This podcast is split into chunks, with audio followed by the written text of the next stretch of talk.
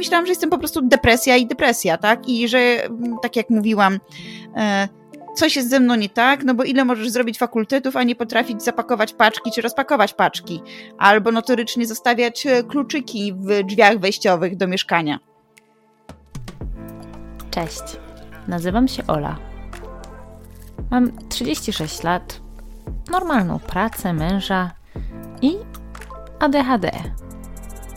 I jeśli to, co przed chwilą powiedziałam, wzbudziło Twoją ciekawość, to mam nadzieję, że zostaniesz tu ze mną na chwilę, bo właśnie do takich osób jak Ty chciałabym dotrzeć. Szacuje się, że jakieś 15-20% ludzi na świecie to osoby nieneurotypowe. Tylko, że nie każdy o swojej neuroróżnorodności wie. Jest cała masa kobiet, które od zawsze odczuwają pewien dyskomfort, tylko nie do końca wiedzą, jak go nazwać. I bez świadomości tego, co może być jego źródłem, szarpią się ze sobą i cierpią w milczeniu. Bo o ADHD czy szeroko pojętej neuroróżnorodności u kobiet mówi się zdecydowanie za mało. I bardzo chciałabym, żeby ten stan rzeczy zaczął się powoli zmieniać. No i właśnie dlatego tu jestem. Żeby podzielić się z Tobą moją historią i żeby dopuścić do głosu inne kobiety atypowe, z którymi będę tu rozmawiać. Dzisiaj więc historia mojej kolejnej gościni.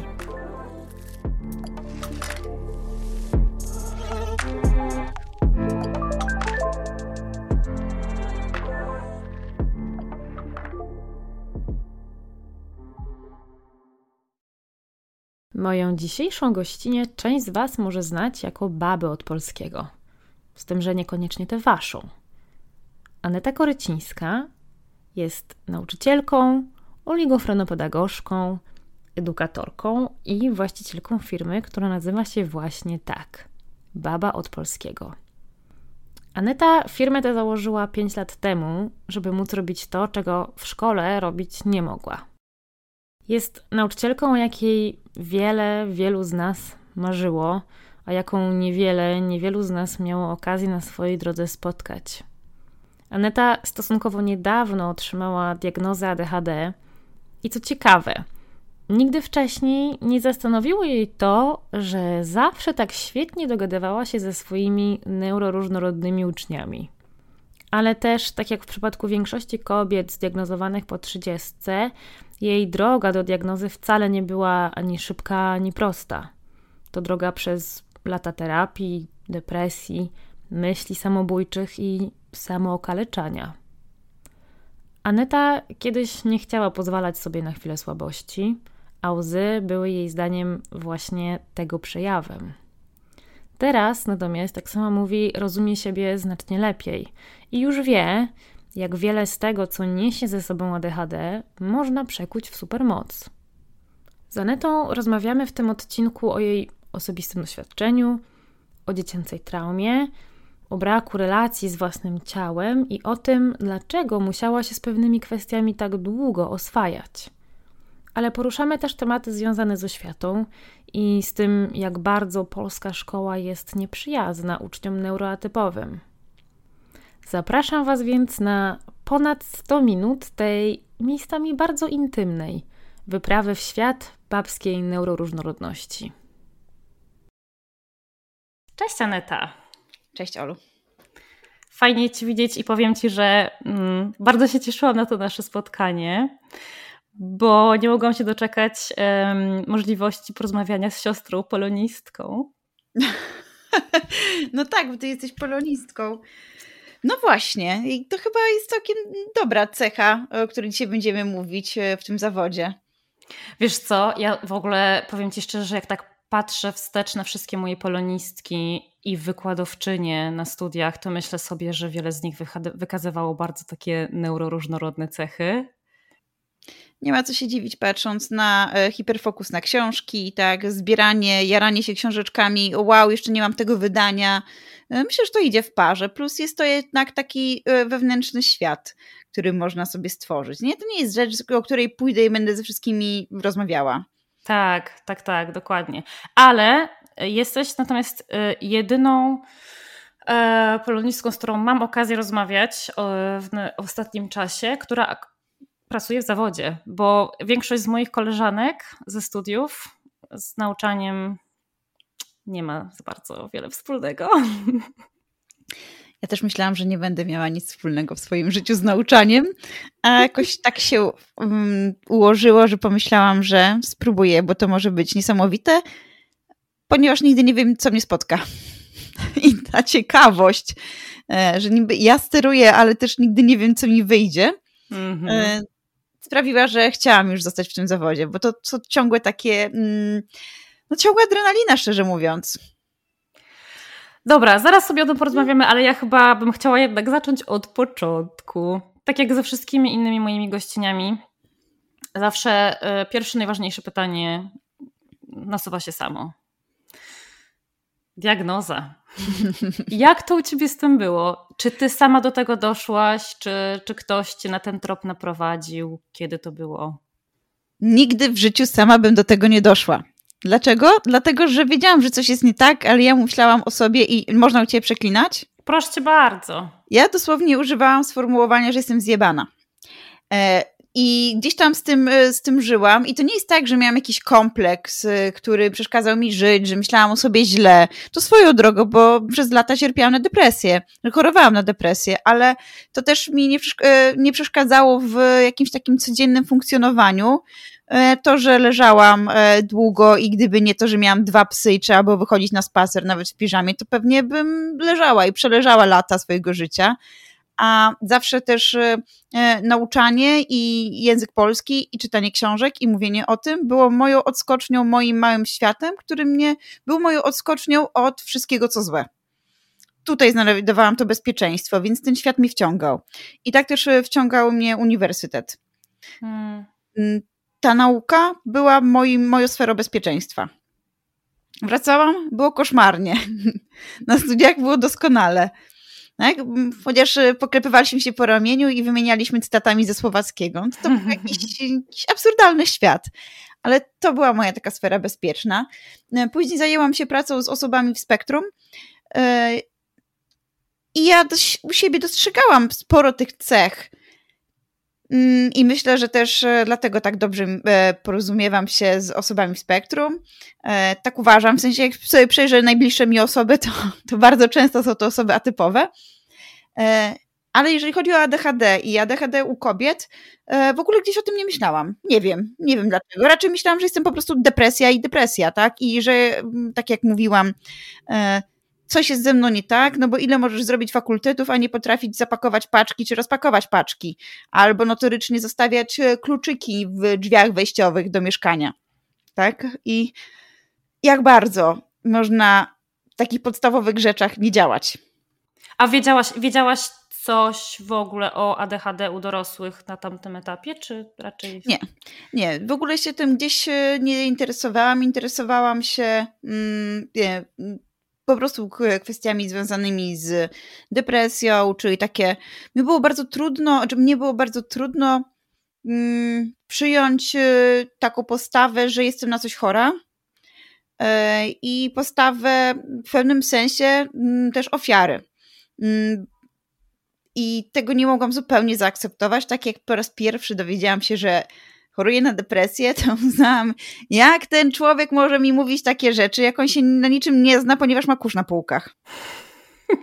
Nie? To było dla mnie najważniejsze. Ja miałam natręctwa po prostu mi gdzieś tam wchodziły w tym takim moim wiecznym pędzie. I ja się wykańczałam, bo spałam też przez studia po 2-3 godziny. Nie, nie było żadnych używek. E, to była to było to, że ja miałam wieczne poczucie, że muszę rzeczy dużo bardzo zrobić. Mhm. Mało. Mm, plus w ogóle bardzo słabo sypiam. Mam, moja mama ma tak samo, więc już też wiem, przez moją diagnozę się dużo dowiedziałam o mojej mamie. Klasycznie bardzo. Tak. E, I, I po prostu rano zasuwałam e, na studia i byłam ze wszystkiego przygotowana. Nie ma, że jestem z czegoś nieprzygotowana i czegoś nie wiem. Tak, to też było tak, że byłam tak zapędzona, że wszystko, wszystko musiałam e, ogarniać. Nie było, że jestem nieodpowiedzialna, bo tak bardzo chciałam sobie udowodnić, że jednak jestem odpowiedzialnym człowiekiem. E, I dużo też pamiętam takich e, niespecjalnie trudnych rzeczy z mojego dzieciństwa. W sensie to nie było celowe z punktu widzenia moich rodziców, ale to były rzeczy, które we mnie tkwiły bardzo długo. E, takie te wszystkie mm, ochrzanianie mnie, kiedy się przewracam. Notorycznie się przewracałam, więc jestem pierdołą. tak, mm, do, tego stopnia, że, mm, że musiałam wypracować sobie technikę, jak się mam przewracać, żeby mi kolana były pościnane. Poważnie. Tak? Bo mama mówi, że po prostu to mi limfa ciekła, bo miałam strup na strupie na kolanie i za chwilę znowu go rozdarłam. Po prostu były dziury. Ona mówi, że to jest cud, że się nauczyłam chodzić. I zawsze takie teksty były, no że cud, że się nauczyłam chodzić. Ja nie wiedziałam, w czym to się wiąże. Także jakaś taka byłam nieskoordynowana. Ale i tańczyłam i wchodziłam na drzewa. Oczywiście też z tych drzew spadałam notorycznie. A do tej diagnozy doszło, kiedy ja już naprawdę ponad chyba 10 lat korzystałam co jakiś czas z terapii. I terapie były mi też potrzebne w ramach takiej superwizji, e, bo pracuję z osobami w różnych też kryzysach, e, osobami nastoletnimi, z depresją, różnymi chorobami. E, I po prostu musiałam gdzieś zrzucać, bo za dużo brałam na siebie. I to trochę chodziłam, mówili, jedni chodzą do spowiedzi, ja chodziłam do terapeutki. Po prostu gdzieś to trzeba było oddać, tak? E, to była moja metoda. E, I zapisałam się do Gosi Sztantkę. Tutaj chcę nawet mówić, jak się nazywa, bo to była niesamowita kobieta. Ona mnie wyrosła. Ja nie wiem, skąd ja wziąłam ten adres. Nie mam zielonego pojęcia, nikt mnie nie polecił. I napisałam do niej o trzeciej w nocy i ona mi jeszcze odpisała na dodatek o tej porze. Wow. Tak, to jest psychoterapeutka za DHD. A, wszystko jasne. Więc ja też pamiętam, siedziałam sobie właśnie myślę, och, teraz mam czas, może to zrobię. A poszłam zupełnie inną sprawą, bo zaczęło do mnie dochodzić, jak dużo czytałam, że być może jestem DDD, e, czyli dorosłą osobą z rodziny dysfunkcyjnej, chociaż moja rodzina jest rodziną E, bardzo no, ładną, ułożoną, kochającą się, ale miałam duże problemy z tym, że na przykład miałam poczucie dużej odpowiedzialności od dziecka, że tak jakbym nie miała tego dzieciństwa, takie jak mają wszyscy, tylko że ja bardzo starałam się być poważna. E, przyjmowałam wiele inicjatyw też, żeby tak jakby nadrabiać trochę za moją mamę i bardzo dużo dźwigałam emocjonalnych rzeczy, e, niekoniecznie mm, mi narzuconych, ale ja je brałam. Po prostu jakiekolwiek rozmowy nawet z dzieciństwa, że coś tam podsłuchałam, to to wszystko we mnie tkwiło. Czy historię babci, czy tak dalej. To było już te 10 lat temu, tak? Jak, jak, jak na, to, na, to, na ten trop Nie, nie, pewnie. Chodziłam na różne terapie, wszystkie były prywatne yy, i pracowałam na relacjach z moimi rodzicami i jedyne, co się z nich dowiedziałam, to to, że mm, byłam zbyt dorosła, a moi rodzice zbyt młodzi. Tak? I ja mhm. dlatego jakby starałam się być tutaj dorosła. E, no i zapisałam się, chciałam o tym poczytać, e, na przykład dlaczego dokonuję takich, a nie innych wyborów w życiu, czyli dlaczego się wypalam. No dlaczego rzucam się na coś niemożliwego, wszyscy się na mnie obrażają, mi się, mnie się wszystko udaje, ale jakim kosztem, tak? I dlaczego później nie mam e, uczucia jakiejś satysfakcji z tego, co mi się udało zrobić? No i że dopadały mi takie smutki, takie poważne. Przede wszystkim miałam prześladujące mnie myśli samobójcze. Ja je leczyłam od lat. Mówię, tak to normalnie mogłam funkcjonować, ale one mi się nawet śniły. No po prostu co noc się śni człowiekowi samobójstwo, no to naprawdę może zwariować. Mm.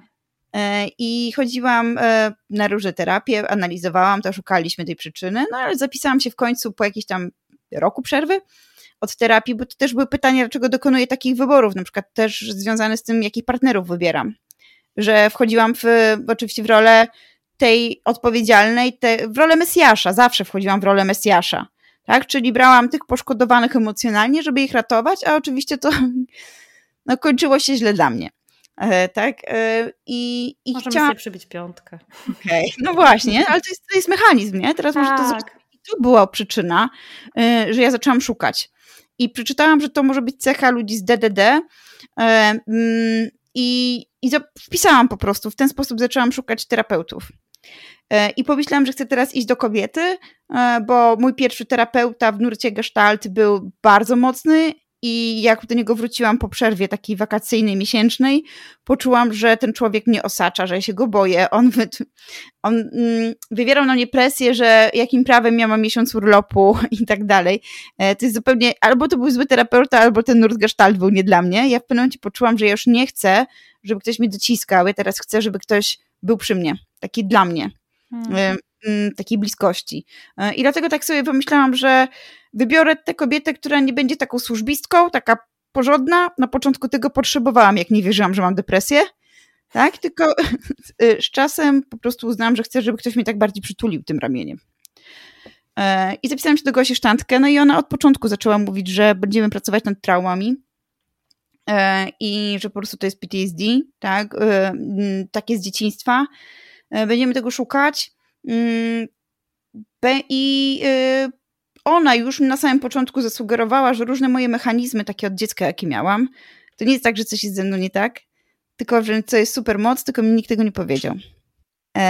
Z czego to może wynikać? I to było genialne, ona mnie rok prowadziła i przygotowywała, że powinnam się zapisać do psychiatrki na diagnozę, a ja tak sobie no, zadzwoniłam, nie było miejsc, no to wiesz, tak no, pół roku później sobie przypomniałam.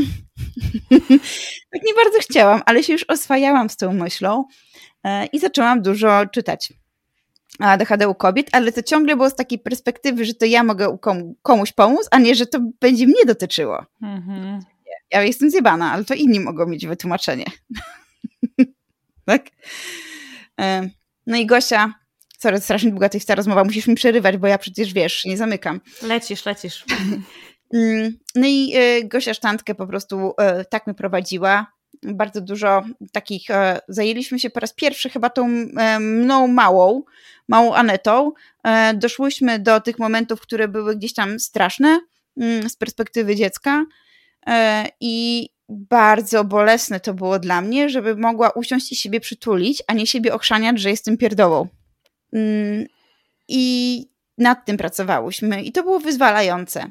Ja przeżyłam kryzys związany z moimi rodzicami, to znaczy przeżyłam żałobę, tak jakbym ich straciła i yy, na nowo nawiązałam z nimi relacje i teraz yy, po raz pierwszy mogę powiedzieć, że nie mam żadnych yy, nie boję się, nie ma żalu, nie bolą mnie słowa z dzieciństwa, o tym nie myślę.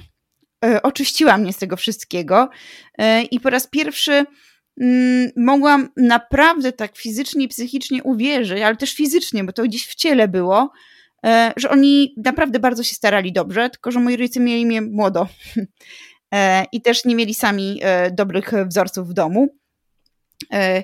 Więc y, gdzieś taki żal, że czegoś tam nie było, mm, albo było źle, czy no chociażby pojawiała się przemoc, e, mm, to bardzo intensywnie mm, przeanalizowałam z Gosią Szantkę. E, I kim innym są dzisiaj dla mnie moi rodzice? Kurczę, mam bardzo, bardzo podobne doświadczenie z moją ostatnią terapeutką. I ja akurat miałam szczęście, bo ja tak od razu na nią trafiłam, co prawda z polecenia. Ale tak, to, to zaopiekowanie się tą taką małą Olą było tak ważne i dotarcie do tego. Bo ja tak pytałam o to, o to twoje um, dojście do tropu DDD, bo, bo ja do tego doszłam bardzo późno, nie? Tak naprawdę w zasadzie rok temu, więc w wieku 35 lat. E, I to było dla mnie takie, to było dla mnie zaskoczenie bo nigdy nie myślałabym o swojej rodzinie w ten sposób, bo przecież moja rodzina jest taka normalna. Mhm. Tak, moja też normalna. Ja się cały czas zastanawiałam, co jest ze mną nie tak. Inni mają naprawdę źle. Tak. tak? A ja tutaj nie mam co narzekać. Ja też nie miałam powodu takiego zewnętrznego, żeby mieć depresję. I hmm. to był też dla mnie wielki wstyd, że ja nie mam powodu do tego, żeby chorować. Ja nie wiem skąd to się wzięło we mnie. Tak? I, I to dlaczego trwa tyle lat? Dlaczego non-stop wraca? Chociaż tak się staram. Mhm. Mm.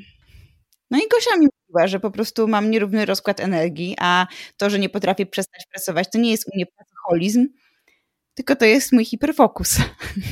Mhm. mi daje bezpieczeństwo, a nie, że to mnie wypala. To mi daje radość życia. Jestem nakręcona.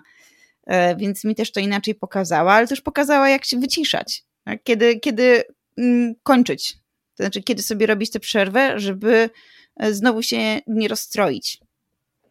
I to jest, to jest fajne i tego akurat moja terapeutka nie rozumiała, no ale ona też nie miała wiedzy na temat ADHD, bo ona próbowała pracować ze mną jak z osobą neurotypową, zmuszając mnie do odpoczynku i nie widząc tego właśnie, że mój problem z odpoczywaniem, jego podłoże jest trochę gdzie indziej, nie? Mhm.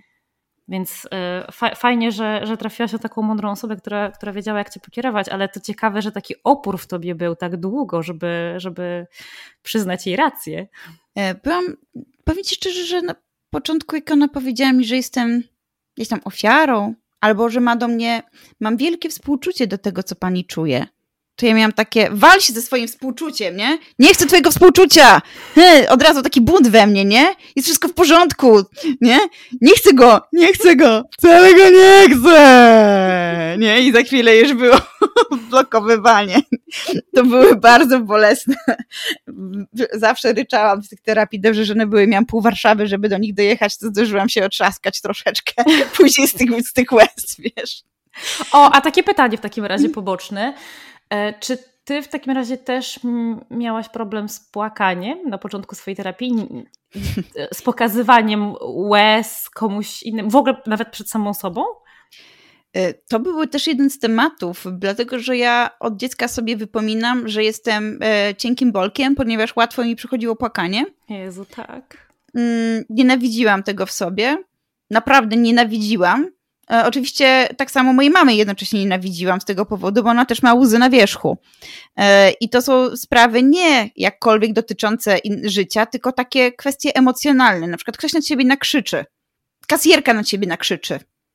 To są takie rzeczy, które sprawiały, że ja się rozpadałam zawsze. Mhm. Ktoś jest dla mnie niemiły, ja się rozpadam, ale niemiły na takiej zasadzie, że trafiam na czyjś zły dzień i ktoś, nie wiem, trzaska drzwiami i mi pergnie na przykład na klatce czymś, tak? I ja po prostu się cała trzęsę. Mi się chce płakać. Bardziej słowa mm, mnie gdzieś tam cudze bolały i wiem, że tak ma moja mama. Ja tego nienawidziłam w tak. sobie, więc i w niej, tak? Oczywiście. A gdzieś tam jest to y, teraz naturalne i ja bardzo długo się pilnowałam, żeby nie płakać. Mm, to oczywiście było trudne, no ale w pewnym momencie najpierw wprowadzono mi leki od depresji. Na początku całą depresję leczyłam znowu, zanim weszłam na tę terapię. E, I one mi fajnie blokowały. Ja byłam zadowolona, że mam suche oczy. Co by się nie działo, to jestem trochę takim, jakbym dostała młotkiem w głowę. I mnie wiesz, tam gdzieś odkleiło. Nie czuję tak, jakbym chciała, jak, jak normalnie. Więc to było mhm. super, że mam takie wyłączone czucie, jeszcze bardziej niż normalnie. Nie? Bo ja cieleśnie to nie mam czucia. Też jeszcze jest ważna kwestia, myślę, że do poruszenia. Nie? Okej. Okay. Mm, że mam bardzo słabe tutaj. Ja jestem cała wydzierana. Mam nogi, ręce, tak dalej i mnie żaden tatuaż nie bolał. Mm, I jak, jakby mnie bolały, to bym ich nie robiła. No i ja też jako dziecko się cięłam. E, oczywiście nie, nie tak, żeby moi rodzice to widzieli, no bo by wtedy to dopiero by było przypomnę, mój tata był wojskowym, e, to to by była taka jazda, że nie ma, nie ma szans. Ale ja musiałam sobie gdzieś spuszczać. Jak nie płaczem, to w ten sposób. Ja, mm. To było wszystko bardzo płytkie. Chodziło o to, żeby zeszło coś ze mnie. Tak. Żeby zrzucić. Pod prysznicem, wiesz, spływało. Mhm. Mm, nie łzy, no bo zobaczą, a na przykład uda, wiesz, piżama, później długie spodnie nie widać. Cieniutkie, żeby tylko sobie z wodą leciało. Chodziło o to właśnie, żeby tak schodziło ze mnie. Ja w pewnym momencie sobie uzmysłowiłam, że mi chyba te tatuaże były potrzebne mm, po to, żeby wyznaczyć granice swojego ciała. Gdzie ja się zaczynam, gdzie się kończę. Hmm. Bo trochę jest tak, że mm, nie mam bliskości takiej ze swoim ciałem.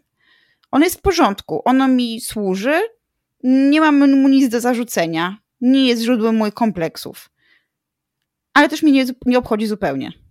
Nie? Że tak jakby totalnie to nie jest kwestia gdzieś tam, o której myślę, wiem. Teraz jak jestem w ciąży, mm, to to jest moje, moja pierwsza ciąża, więc to jest na takiej zasadzie, że się myję i sobie myślę, ale jazda, jestem w ciąży. Wiesz, muszę sobie to przypominać. Mhm. Że mi się gdzieś tam ciało zmienia. Ale jazda, kurczę, zapomniałam. I sobie patrzę, kurde, ale zmiany.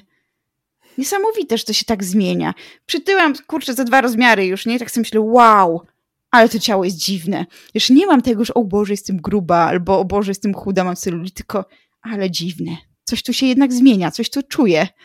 Miałam takie metody wprowadzane na terapii na początku. Gosia mówi, żebym się szczotkowała, żeby szczotkować ciało, nie? Żeby tak pobudzić.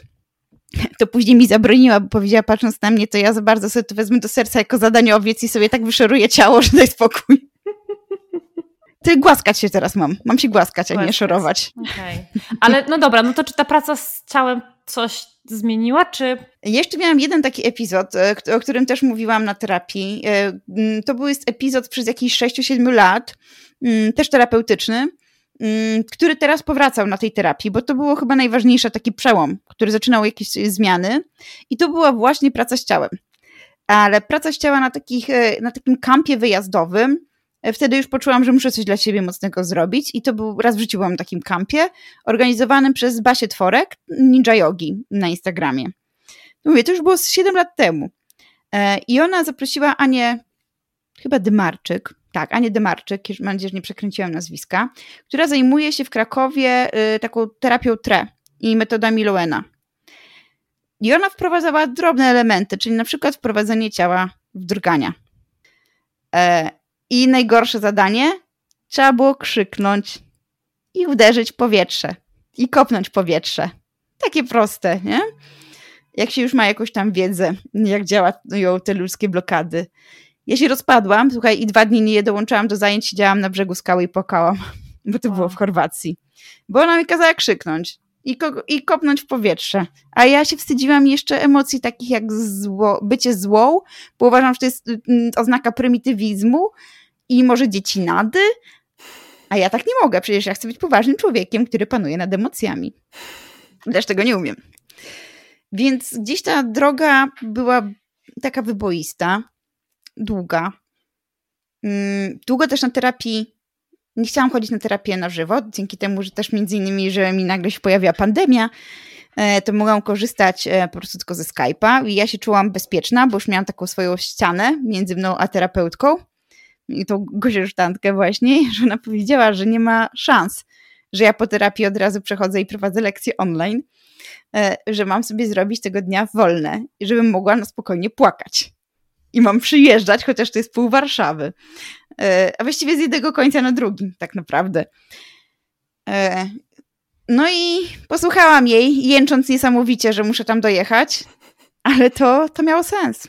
I tam się dopiero zaczęła porządna praca. Jak zaczęłam jeździć tak na żywo, kiedy mogła próbować się do mnie zbliżać, bo też mam takie duże blokady, że nie każdy może mnie dotknąć i przytulić, tak? Tak miałam. Mhm. Bo byłam poblokowana, bo bałam się, że się rozpadnę, jak ktoś mnie dotknie. E, no i ona tak stopniowo przesuwała krzesło. Mówiła mi, kiedy dosyć, że nie możesz bliżej. Była taka bardzo czujna na szukanie moich granic. Szukała ich po prostu, gdzie one są e, i czy je mam. E, a później mnie uczyła, jak sobie mam z tym radzić, z tym, czym jest ADHD. Z czego to może wynikać, jak sobie na, na początku, jak sobie poradzić z tą traumą dziecięcą, jak szukać bycia dobrym dla siebie w ciele, także przez jedzenie, przez jakąś taką uważność. Nie mówię, żeby mi to super wyszło, bo nadal potrafię się zafiksować. E, jak mam jakąś fajną pracę do zrobienia, to muszę sobie przypomnieć, że trzeba na przykład pić, jeść, sikać.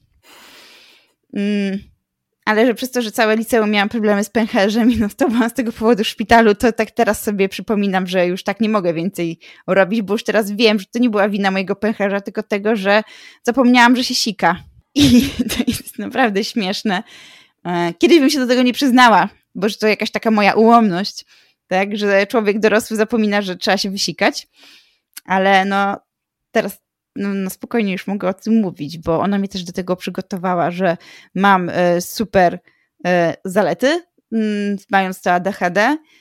Mm, potrafię robić wiele rzeczy, ale też takich podstawowych, no coś kosztem czegoś, tak? Te podstawowe czasami mi umykają. po prostu. Ale, ale, powiem ci, że miałaś niesamowite szczęście, że trafiłaś na taką mądrą babkę, która jeszcze dodatkowo zna się na ADHD i potrafiła cię w tę stronę pokierować długo musiała z tobą walczyć, żeby cię przekonać do tego, żebyś poszła po tę diagnozę? Wiesz, ja mówię, jako córka wojskowego, ja się słucham, jak ktoś mi powie konkret, no to ja jęczę w sobie, wiesz, ale idę i robię, nie? Najęczałam się, najęczałam, ale poszłam i zobaczyłam stopniowo, wiesz, widziałam, że to działa. I co poczułaś, jak już dostałaś tę pieczątkę od psychiatry? No poszłam do psychiatry, mm, to też był przypadek, bo w końcu się, jak się umówić do tej psychiatrki, którą chciałam, którą miałam z polecenia, e, właśnie od tej mojej terapeutki, e, która nie miała miejsc. No i to tak jak większość rzeczy w moim życiu, piękny zryw, po prostu do śniadania odpaliłam sobie spotkanie na Uniwersytetu SWPS, w którym była rozmowa z Kajetano Foryciarz a propos ADHD u kobiet. I do mnie olśniło, że o matko, przecież ja dobrze się znam z jej córką. Bo nieraz byłyśmy razem na wycieczkach, w sensie ona jest, y, była uczennicą mojej szkoły, ale byłyśmy ze sobą na ty, no bo ja jej nigdy nie uczyłam. Mhm. I pytam się jej, czy to jest twoja mama? Ona mówi tak. I za chwilę takie od kontaktu do kontaktu okazało się, że ja tę mamę no tak SMS-ami dręczyłam, no. Już trochę. Ale wiesz, nie tak, że non stop, tylko jak sobie przypomniałam, czyli tak raz na dwa miesiące, raz na trzy miesiące i ona znowu nie miała terminów, no. Mm-hmm. No i tak y, przez to, że już y, może też nie byłam anonimowa, y, w każdym razie za jakiś czas dostałam kontakt, y, że udało się tym terminem, więc się uśmiałyśmy bardzo, bo mówię, Boże, jaki to trochę wstyd, bo jestem nauczycielką w szkole, do której pa, pani córka chodzi i co teraz? Nie, teraz pani wszystko o mnie wie. tak, ale obie już kończyłyśmy szkołę w tym roku akurat, więc ja też już odchodziłam z tej szkoły, z tej mhm. placówki. E, uśmiałyśmy się bardzo, e, to, że wypełniłam diwę i nie wiem jakim cudem, przecież ja jestem takim człowiekiem, który ma wszystko w segregatorach i w koszulkach, żeby nie pogubić. Wyobraź sobie, że zgubiłam dwie strony diwy i nie wysłałam. Więc ona uznała, że to jest bardzo zabawne, ale no to musimy to dokończyć, ten wywiad ustnie, ale to już jest dla niej bardzo zabawne potwierdzenie tego. dokładnie, dokładnie. Bo mail od niej w ogóle zajmował jakieś mnóstwo regulaminów tam było do wypełnienia że nie będę w ciąży, że biorę te leki, że tutaj, że tamto, że tutaj przekazanie danych, a tutaj czy mogę spotkać się z mamą, w razie czego, żeby jeszcze też chciała porozmawiać z moją mamą ewentualnie, gdyby była taka potrzeba. Mhm. Tak, więc ja jeszcze myślę sobie, Boże, teraz mamie trzeba się wytłumaczyć, że coś jest nie tak ze mną, nie? Jak to zrobić? no ale mm, i było tyle rzeczy do wypełnienia po prostu w tym mailu, że myślę sobie, Boże, jak jeszcze oczywiście moje, moje wieczne nastawienie buntownika, człowieka e, takiego trochę na nie, jak to ona może być lekarką od ADHD, skoro wysłała tyle wytycznych? Przecież wiadomo, że nie ogarnę tego. Zbadasz tu swoje ciśnienie, tu coś tam. Myślę, kurna, czym ja zbadam ciśnienie? Wiesz, po prostu ile tego jest? Hmm. Jakie leki brałam? Wywiad. Myślę, Boże, dobra, teraz jakiś panel pacjenta, trzeba szukać, jakie ja leki w życiu brałam od depresji. Przecież nie wiem, znam pierwszą literkę pudełka na pudełku i tylko to mnie obchodzi. Nie, a nie co tam biorę. E, biorę, co mi każą. Więc gdzieś tam miałam takie trochę, mm, trochę zabawy, a trochę oburzenia, że to tyle trzeba się przygotowywać. No ale ta diagnoza mm, szybko poszło, oczywiście. Mhm. To już było, było wiadomo.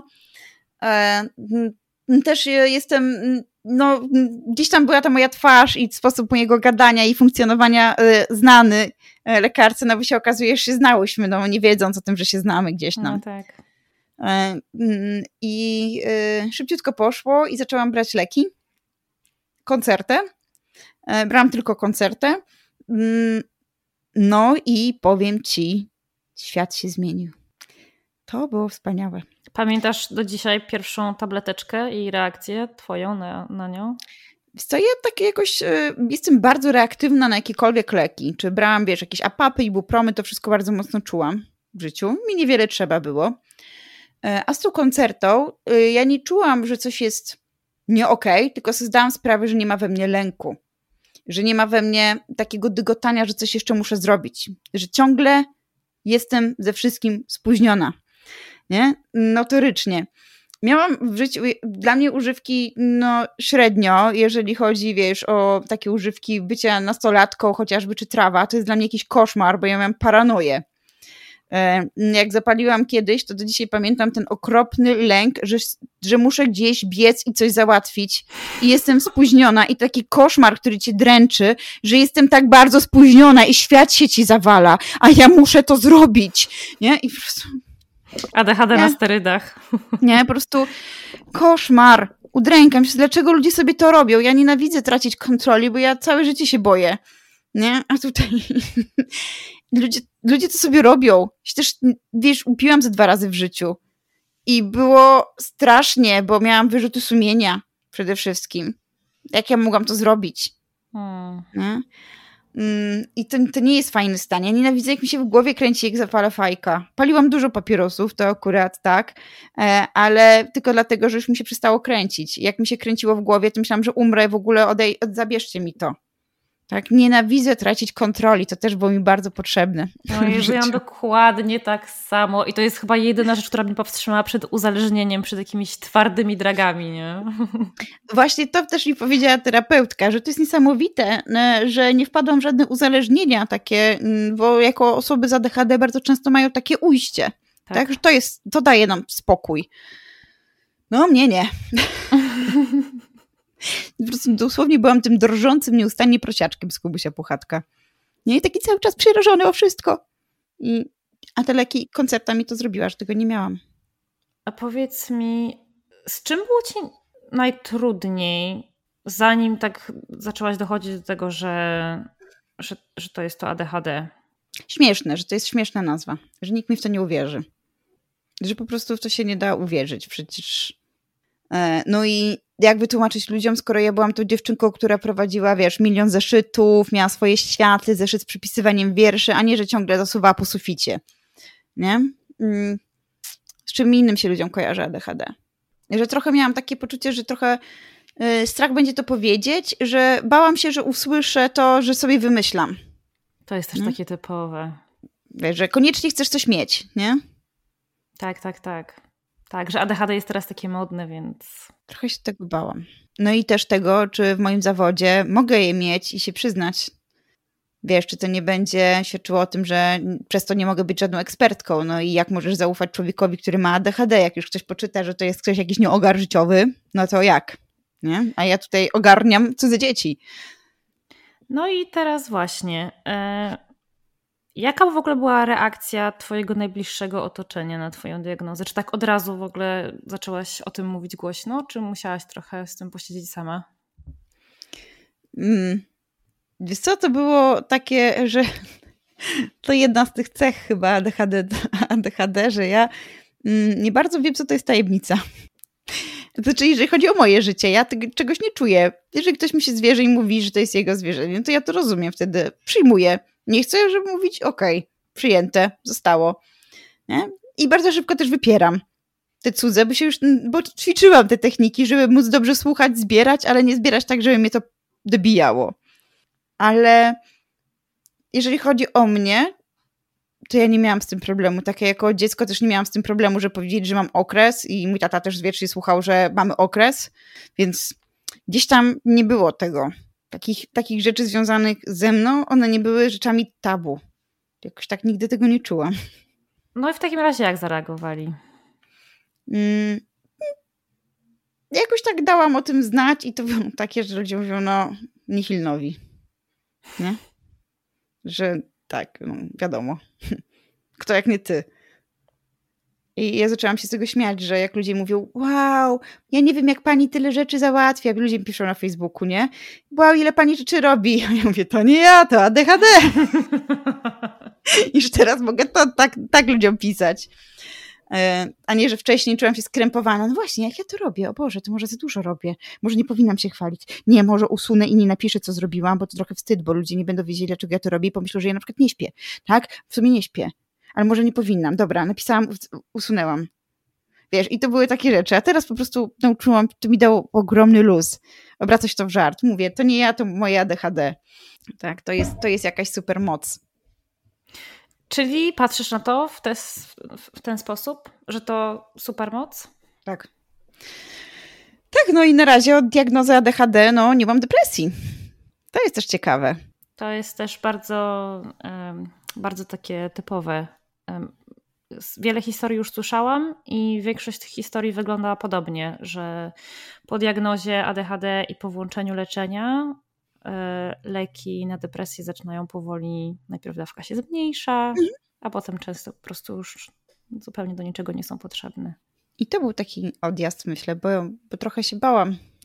Bałam się też okropnie mm, macierzyństwa. Uważałam, że ja nie mogę, bo przekażę smutek swój swojemu dziecku. Mm, to też był taki częsty temat e, i terapii, i rozmowy chociażby z psychiatrką, mm, że bałam się, że to tak jak ja wysałam smutek, tak trochę moja mama mówi, jej smutek e, z mlekiem. Mm, I gdzieś tam myślałyśmy o tym takim przekazywaniu depresji bardziej. tak się strasznie bałam, że nie chcę nikomu zafundować tego samego piekła w głowie. I cholernie się tego bałam. No i szczerze mówiąc, ta diagnoza mnie uratowała. Wiem, że można. Mam nadzieję, że nie zapomnę o dziecku, kiedy wsadzę do wanny. Bo to jest też standardowy chyba żarcik, że mama mówiła, że ja to tak 20 rzeczy robię jednocześnie, że zostawię, nie wiem, tam dziecko w, w kąpieli albo coś tam. To był żarcik taki rzucany. Nie no, tak byłam nastolatką. No i teraz mi się to odtwarza, że nie mogę zapomnieć w razie czego, jak już będzie to dziecko. Myślę, że o dziecku trochę trudniej będzie zapomnieć. Myślę, że będzie się dawa będzie dawało znać, sygnały będą. Dokładnie, ale wiesz co, chciałam jeszcze tak trochę wrócić do tego, co mówiłaś o, o tym przekazywaniu depresji i, i, i o tym takim powielaniu schematów. Ja myślę, że no, taka główna różnica między naszymi rodzicami i nami jest taka, że my jesteśmy tym takim bardzo przedterapeutyzowanym pokoleniem, nie? I my wzię, wzięłyśmy sprawę w swoje ręce. I, I to już jest ten pierwszy krok. I to, to jest to, co nas różni, co, co nas może ochronić przed tym, nie? Myślę, że tak. I ochronić przed przekazywaniem dalej, bo dokładnie, to nie o to chodzi, żeby dokładnie. być in, innym niż moi rodzice byli, no bo to znaczy, że będę jak moi dziadkowie, tak? Więc jest kręcenie się w schematach. Po prostu muszę zrozumieć. To daje, daje zrozumienie do działań mm, zarówno rodziców, e, gdzieś tam dziadków. Nie tyle wybaczenie, bo nie wszystkie rzeczy trzeba wybaczać, to też mi tego nauczyła no właśnie to moja terapeutka E, czym innym jest zrozumienie, czym innym jest wybaczenie, tak? Po prostu rozumiesz, z czego to wynika, co nie oznacza, że to nie ma prawa cię boleć. Mm, więc e, to było super, że ja nie muszę wchodzić w rolę mm, znowu Mesjasza wybaczającego, e, tylko że ja mam prawo mm, mówić, że to było złe, po prostu, że coś było złe złego, tak, w zachowaniach i że tego, tego nie chcę, tak, bo to robiło ze mną to i to. Dopóki tego nie nazwiesz, no to niechcący się powiela. I oczywiście, że odtwarzamy przecież schematy z naszego domu. Ja już się łapię na tym, że mówię słowami mojej mamy. Tak. Te same powiedzenia. To jest niesamowite. Ja nawet robię takie same miny, kiedy idę i myślę. Mm, moja mama tak mm, chyba trochę językiem szuka odpowiedzi, trochę po zębach i ja sobie zdałam sprawę, że robię dokładnie to samo. Tak, ja pamiętam, jak się zorientowałam po raz pierwszy, że się śmieję tak jak moja mama. Jak mnie to bardzo uderzyło, jak bardzo chciałam zacząć się śmiać w inny sposób. Mm-hmm. No, na początku to jest bardzo bolesne. E, ja się kiedyś popłakałam, jak powiedziałam, z pracy do pracy przychodzę. I myślę, o Boże, nienawidziłam tego tekstu przecież. Czy twoja mama też była nauczycielką? Nie, nie. Nie, mój dziadek w ogóle miał takie przekleństwo, obyś cudze dzieci uczył. No i uderzyło. Właśnie, bo, bo ty wspomniałaś o tym, że wcale y, nigdy nie myślałaś o tym, że nauczycielką zostaniesz. No, no hmm. więc jak to się stało? Słuchaj, moi rodzice nie mają matury. Moi rodzice mm, młodo musieli się usamodzielnić bardzo. E, I właściwie mój tata jest jedynym chłopakiem mojej mamy. Ja też tak chciałam, bo to takie, wiesz, z książek. Oczywiście. Szybko mi nie wyszło. Dzisiaj sobie myślę o tym, że to jest no, bardzo niezdrowy schemat. E, bardzo, bo wszystkich rzeczy uczyli się na sobie i wszystkie błędy popełniali na sobie jako para. Tak. Oni za całe życie razem. Całe życie. Po prostu jakiś koszmar. E, no. E, zgubiłam się oczywiście, co też taki standard. Zgubiłam e, uczeń, e, na, nauczanie. A, tak. E, I mm, koniecznie chciałam gdzieś tam budować swój świat y, i nie wiedziałam, czym mam się zająć. Moja mama y, bardzo dużo w życiu malowała, zajmowała się taką sferą artystyczną, mój tata też, y, ale porzucił to malowanie, no i poszedł do wojska, no takie były czasy, po prostu chcieli mieć gdzie mieszkać, a wtedy wojsko to dawało, więc on odpiął oporniki z mm, rurek czerwonych i, i poszedł, to, to wiem. Tak? No i później się wkręcił gdzieś tam też pewnie w to wojsko, no i wojsko go bardzo, bardzo zmieniło. E, na szczęście mm, przeszedł na tą wczesną emeryturę po 15 latach. E, I znowu, e, szczerze mówiąc, mogę powiedzieć, że odzyskałam ojca. To znaczy, po wojsku znowu stał się człowiekiem.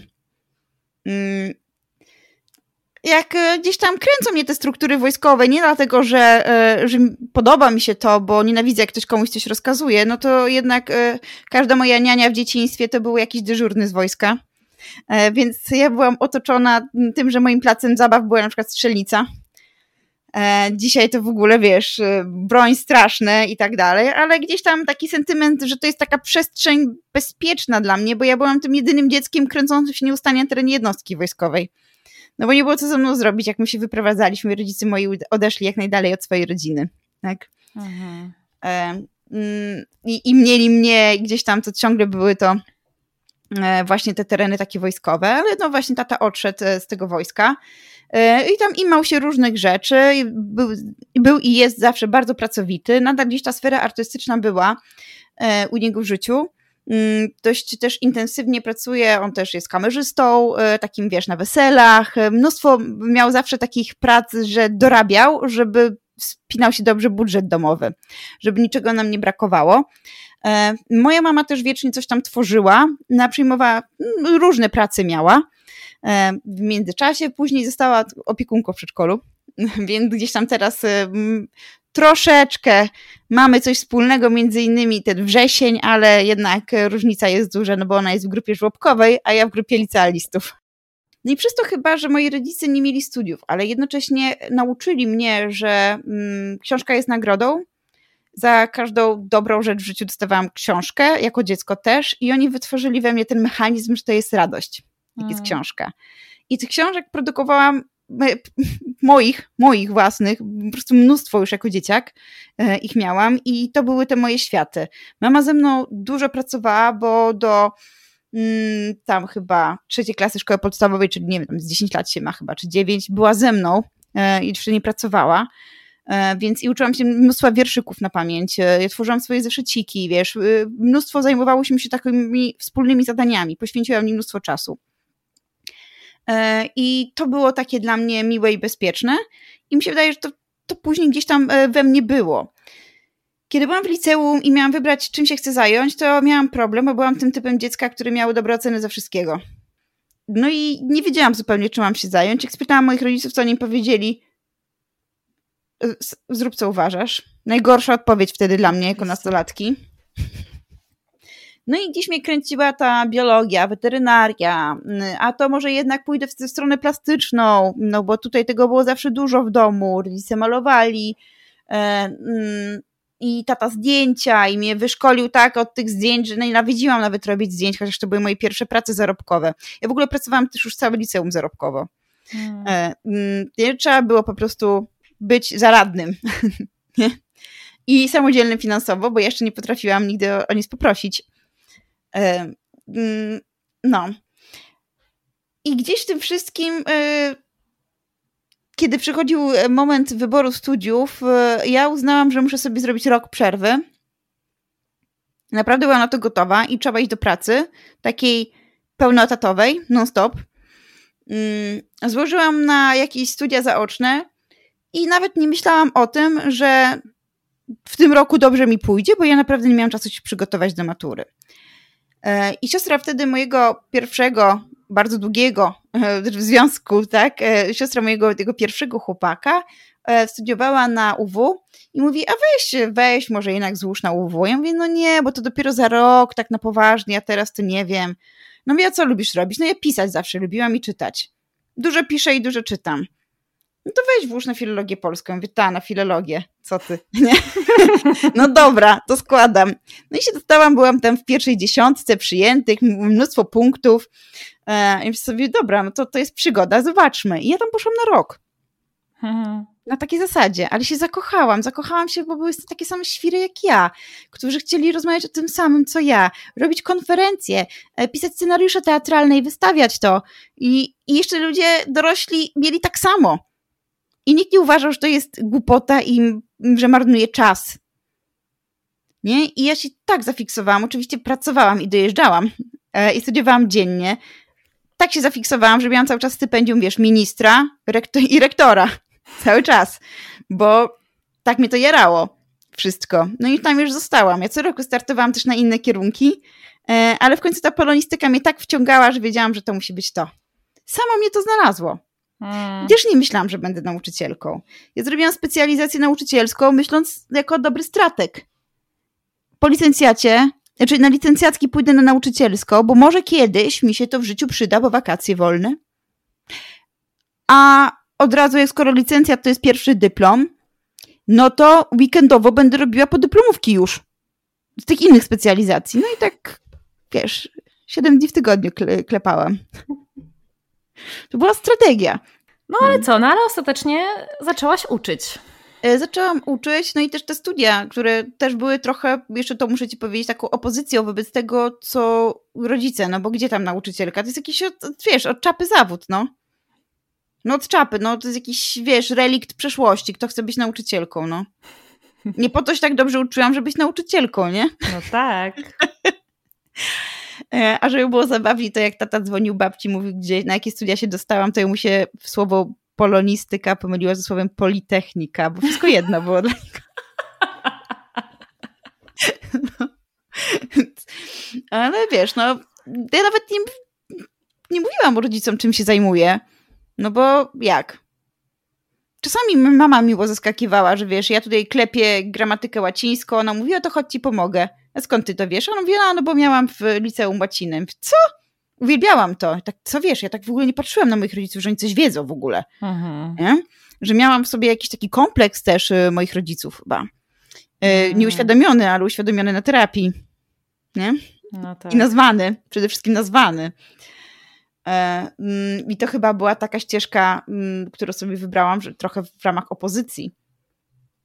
Nie, że jest inaczej. Przecież jak zrobiłam sobie pierwszy tatuaż już jako nauczycielka, to tata się do mnie nie nazywał trzy tygodnie, no bo to przecież kryminaliści, nie? E, teraz już sam ma.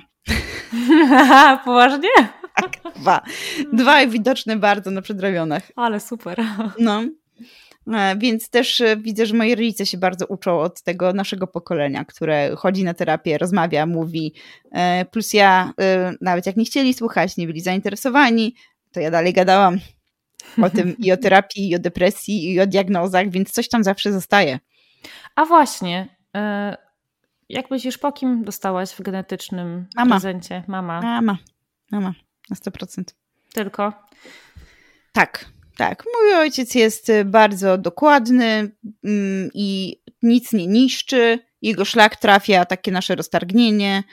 E, jak równiutko co do godziny zawsze wystartuje, umie się wyszykować, zawsze dojedzie na czas, nigdy nie jest spóźniony, umiera wewnętrznie z tego powodu, że musi czekać na mamę, zanim ona wyjdzie, wszystko pozamyka, posprawdza, wiesz, y, czy, czy woda zakręcona, wszystko zakręcona, to jeszcze trzy razy wrócę po coś. Nie, on jest bardzo dokładny. Jak to wojskowy. Mhm. Myślę, dlatego sobie poradził. I dlatego ja nienawidzę pastować butów w ogóle. Co to za absurd w ogóle? Kto w tym świecie pastuje buty? Kto używa żelazka? Halo! Nie? W moim dorosłym życiu tego nigdy nie było. A mój tata bardzo tego pilnował. Hmm.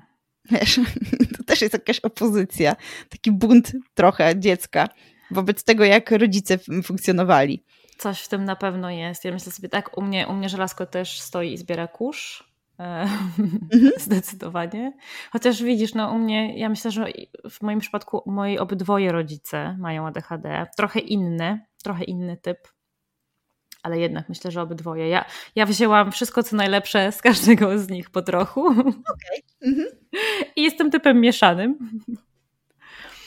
E, więc u mnie to w ogóle trudno szukać tego, co, co ja robię w opozycji do tego, co oni robili, bo robię wszystkiego po trochu. No i ciekawe są te typy jeszcze, nie? Tutaj jeszcze powiedziałaś typy mieszane, a czy masz tak, że miałaś na przykład trudności ze skupieniem się i z uczeniem? E, tylko i wyłącznie rzeczy, które mnie nie interesowały. Czyli właśnie, widzisz, u mnie to było ciekawe, że ja czy, czytanie to był mój świat, więc ja z języka polskiego oczywiście zawsze miałam piątki, szóstki. Byłam, o właśnie, ja byłam zwolniona z matury ustnej z języka polskiego, bo jeszcze szłam, szłam tym starym trybem, mhm. Mm, bo pisemną napisałam na szóstkę, ale jednocześnie nie zdałam matury z historii i pisałam okay. poprawkę. Więc ja na przykład miałam piątki, szóstki tutaj z takich humanistycznych przedmiotów, ale dwóje, truje z matematyki, z mhm. fizyki, i ta historia. Historia to mhm. był mój To był mój koszmar największy. Nie, nie potrafiłam się uczyć, więc, yy, więc tak. Ale na przykład dzisiaj mam problem ze skupieniem się na czytaniu książek. Co jest yy, bardzo bolesne dla mnie, bo oczywiście, wiesz, nadal, nadal kocham czytać, ale jest mi trudniej, dużo trudniej. Powiem ci, że miałam kryzys jakiś przez dwa lata, do tego stopnia, że mój chłopak mówi, z ciebie za polonistka, tylko kupujesz te książki. Nie czytasz. A ja po prostu no to czytam to samo. I nagle mogłam zrozumieć, wiesz, tych moich uczniów, mojej uczennice, którzy mówią, że nie potrafią się skupić. Mi się rozjeżdżały te linijki. Ja zapominałam, gdzie jestem. Bo już byłam trzy razy, trzy myśli dalej, wiesz, jak taki gnojny żuczek, który zbiera te wszystkie historie, to ja już od tego słowa poleciałam sobie dalej do skojarzenia, od tego skojarzenia do dalszego skojarzenia. Tak. E, I zupełnie nie mogłam się na tym skupić. I powoli, powoli zaczęło mi to wracać wraz z koncertą. Mm, tak jakby po prostu wraz z rozwojem takim człowieka i hormonalnym też po 30 było mi coraz trudniej się skupić, a wcześniej tych problemów nigdy nie miałam. Mhm. Nie? Tak jakby one się dopiero pojawiły. Mm, także coś mnie rozprasza. Nie rozpraszały mnie rzeczy. Można było, wiesz, robić tysiąc rzeczy obok mnie. Ja potrafiłam sobie zrobić ten kanał, w którym jestem. Ten kanał skupienia. To w ogóle mi się rozpadło. Że już, że już tak nie potrafię. Mm, I koncerta zaczynała mi dawać to, plus też zrozumienie. No, jak okazało się, że jestem.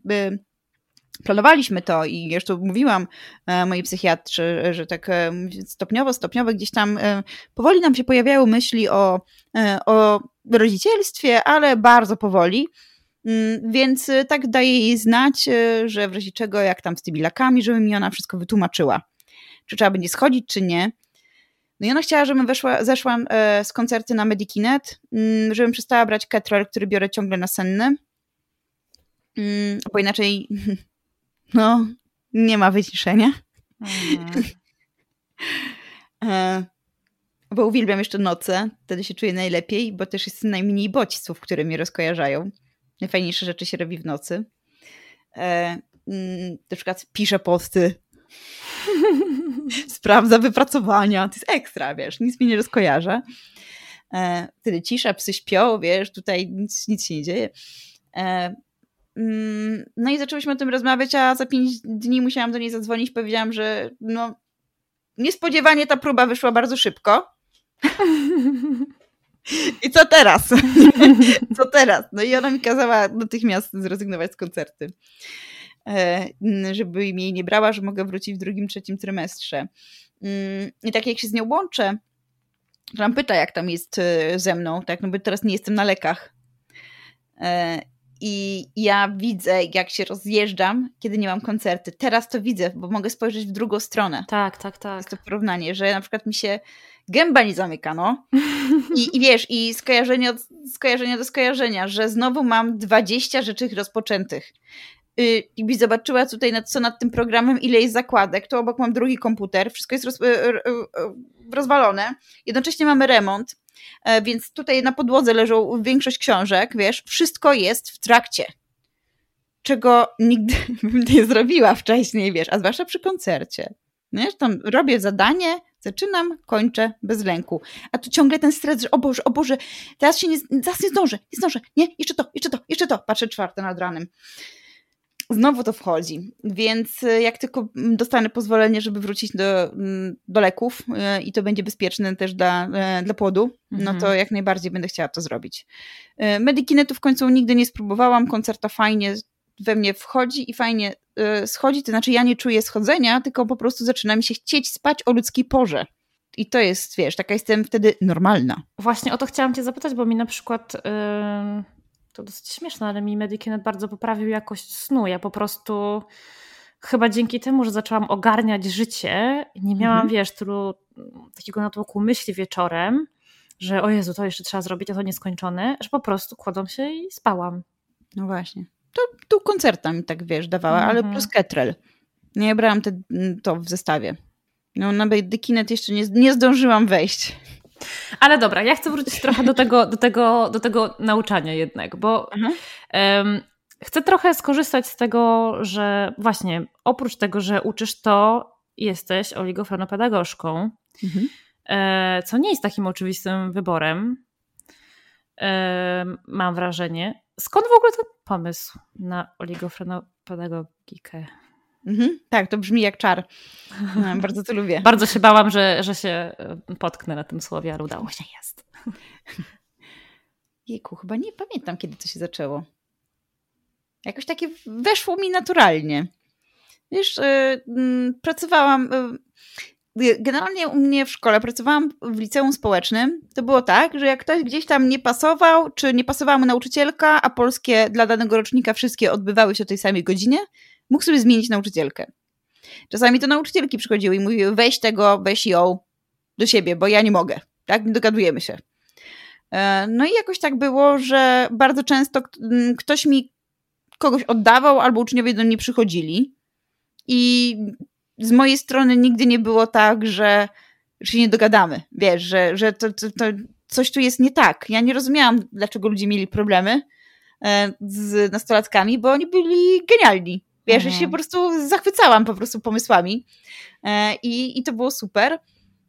Mm, I tak jakoś Później dowiadując się, że na przykład to jest osoba w spektrum, tak, wtedy z reguły to był zespół Aspergera, dziewczyna w zespole Aspergera i tak dalej. Mm, nikt się tym nie zajmował w szkole, mm, więc ja zaczęłam się dopytywać, ja się uczyłam i ja starałam się przekazywać innym nauczycielom, aż w końcu moja szkoła w ogóle zaniedbała kompletnie, e, wiesz, te zajęcia rewalidacyjne, jakieś zajęcia specjalne. E, to dopiero zaczynało wchodzić, kiedy ja zaczęłam strasznie trajkotać o tym, że to jest konieczne. Mhm. E, I poszłam na studia mm, też w tym kierunku, żebym się czegoś dowiedziała szczególnego na tych studiach. To no nie, bo więcej się dowiedziałam sama wcześniej czytając. Ale już miałam papier, a na szczęście, moim zdaniem, na szczęście, e, w końcu w naszym prawie oświatowym wprowadzono, że musi być ktoś z odpowiednim wykształceniem. Mhm. E, wiesz, że to też dało znać takie, że to jest ważne nie, to był taki sygnał, że jednak to nie chodzi o to, żeby klepnąć, macie tutaj sobie, rysujcie szlaczki, nie, w liceum, tylko że to jest konkretna praca z dziennikami i jak prowadzić te zajęcia. E, I no ja teraz odeszłam z mojej szkoły, ale jestem jedyną osobą z tym wykształceniem, bo nikt nadal się tym nie zajął. Co więcej, każda szkoła ma obowiązek wręcz zorganizować zajęcia rewalidacyjne, bo kiedy przyjmuje dzieci, y, nastolatków z orzeczeniem, e, to dostaje pieniądze od gminy bardzo duże mhm. pieniądze na, każdego, na każde dziecko. Wcześniej te pieniądze, no, nie chcę mówić na co szły, ale każdy sobie może pomyśleć, że dużo pewnie jest wydatków w szkołach. A teraz na szczęście jest tak, że trzeba wykazać, na co się je wyda, więc one muszą być wydane na te zajęcia właśnie, które są obowiązkowe e, w prawie oświatowym. Więc to jest super sprawa. Jeżeli szkoła nie ma nauczycieli, nie ma kadry, no to wtedy można pisać, że nie ma kadry, ale taki rodzic może, chociaż o tym często rodzice nie wiedzą, teraz zorganizować sobie te zajęcia poza placówką i wystawiać fakturę na placówkę, bo placówka się rozmienia, e, wtedy rozlicza z gminą.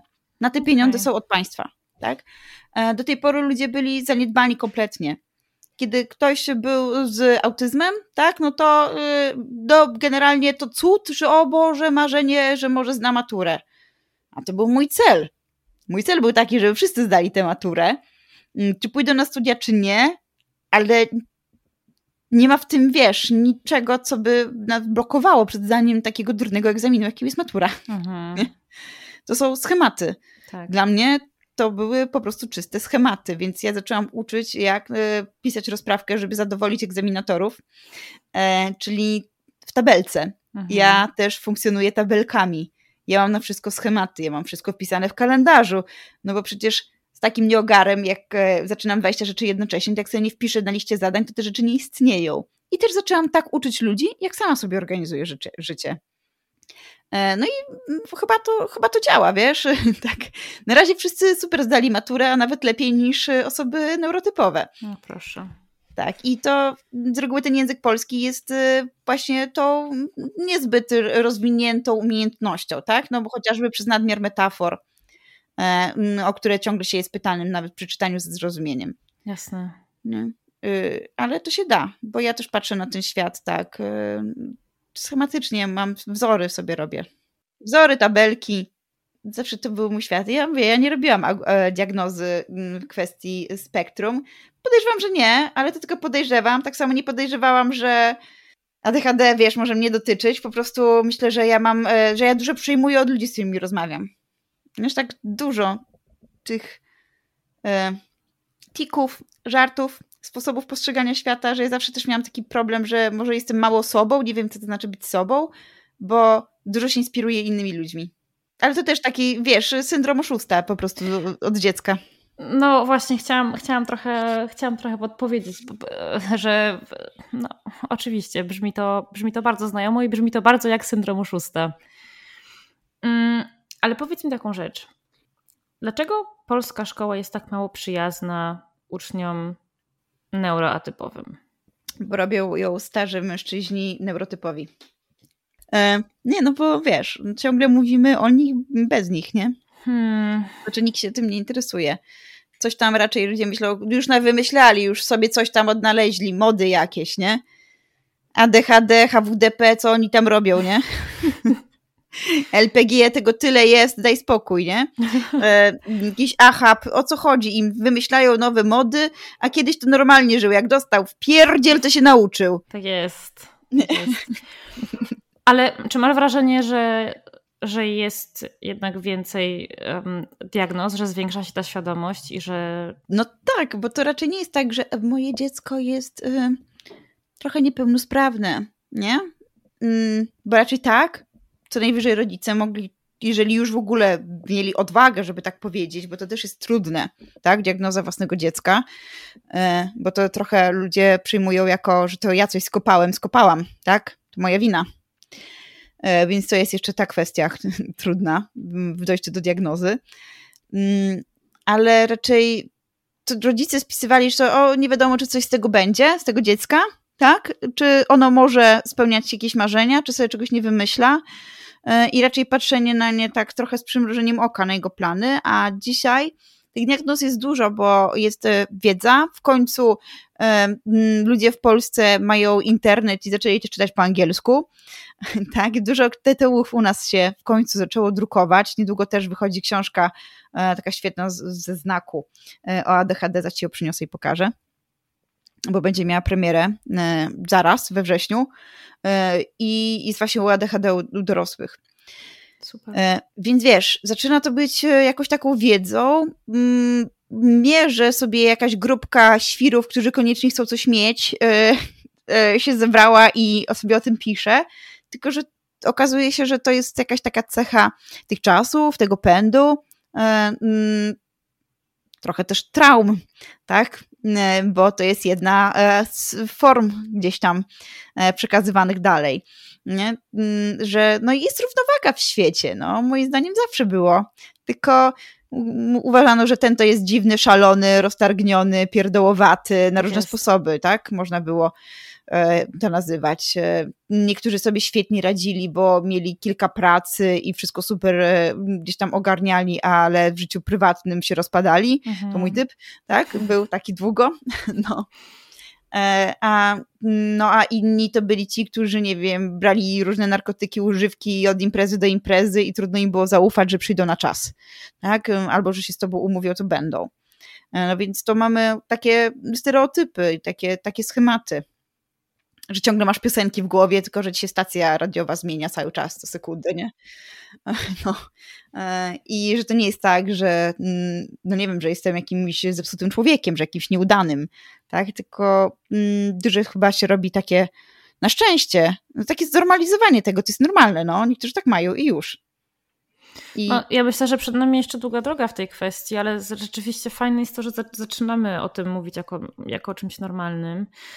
Tylko teraz na ile potrzebne są jakieś rozwiązania systemowe, bo mówię tutaj znowu o, o szkole, a na ile to jest kwestia, wiesz, indywidualna, na, na ile zależy od, indywidualnie od nauczycieli? Przede wszystkim nauczyciele powinni się edukować, a m, mm, trochę patrząc na to, jak wygląda teraz życie nauczyciela w Polsce, m, mm, to wcale się nie dziwię, że się im nie chce. Hmm idą, odbębniają, nie? Nie mówię o wszystkich, bo to jest jakieś generalizowanie, nie chcę krzywdzić tych, którzy się starają, ale mm, myślę, że, że trzeba dużo gadać po prostu, dużo mówić, y, bo to zawsze coś chociaż komuś gdzieś tam zaświta, że coś takiego słyszał i może zacznie y, szukać wtedy, tak, czym jest to bycie, w ogóle czym jest neuroróżnorodność, nie? To są jakieś nowe terminy. Tak. E, mm, gdzieś tam znane naszemu pokoleniu, pokoleniu e, social mediów, Instagrama. E, fajne były te, te mody na te karuzele, takie edukacyjne. Jednak tendencje, że ten Instagram to nie jest stawianie moich zdjęć z wakacji, tylko ja jednak chcę podzielić się tą wiedzą, którą mam. To jest tak. ekstra moim zdaniem. Super się ten Instagram przerobił właśnie na to. Tak, tak, tak.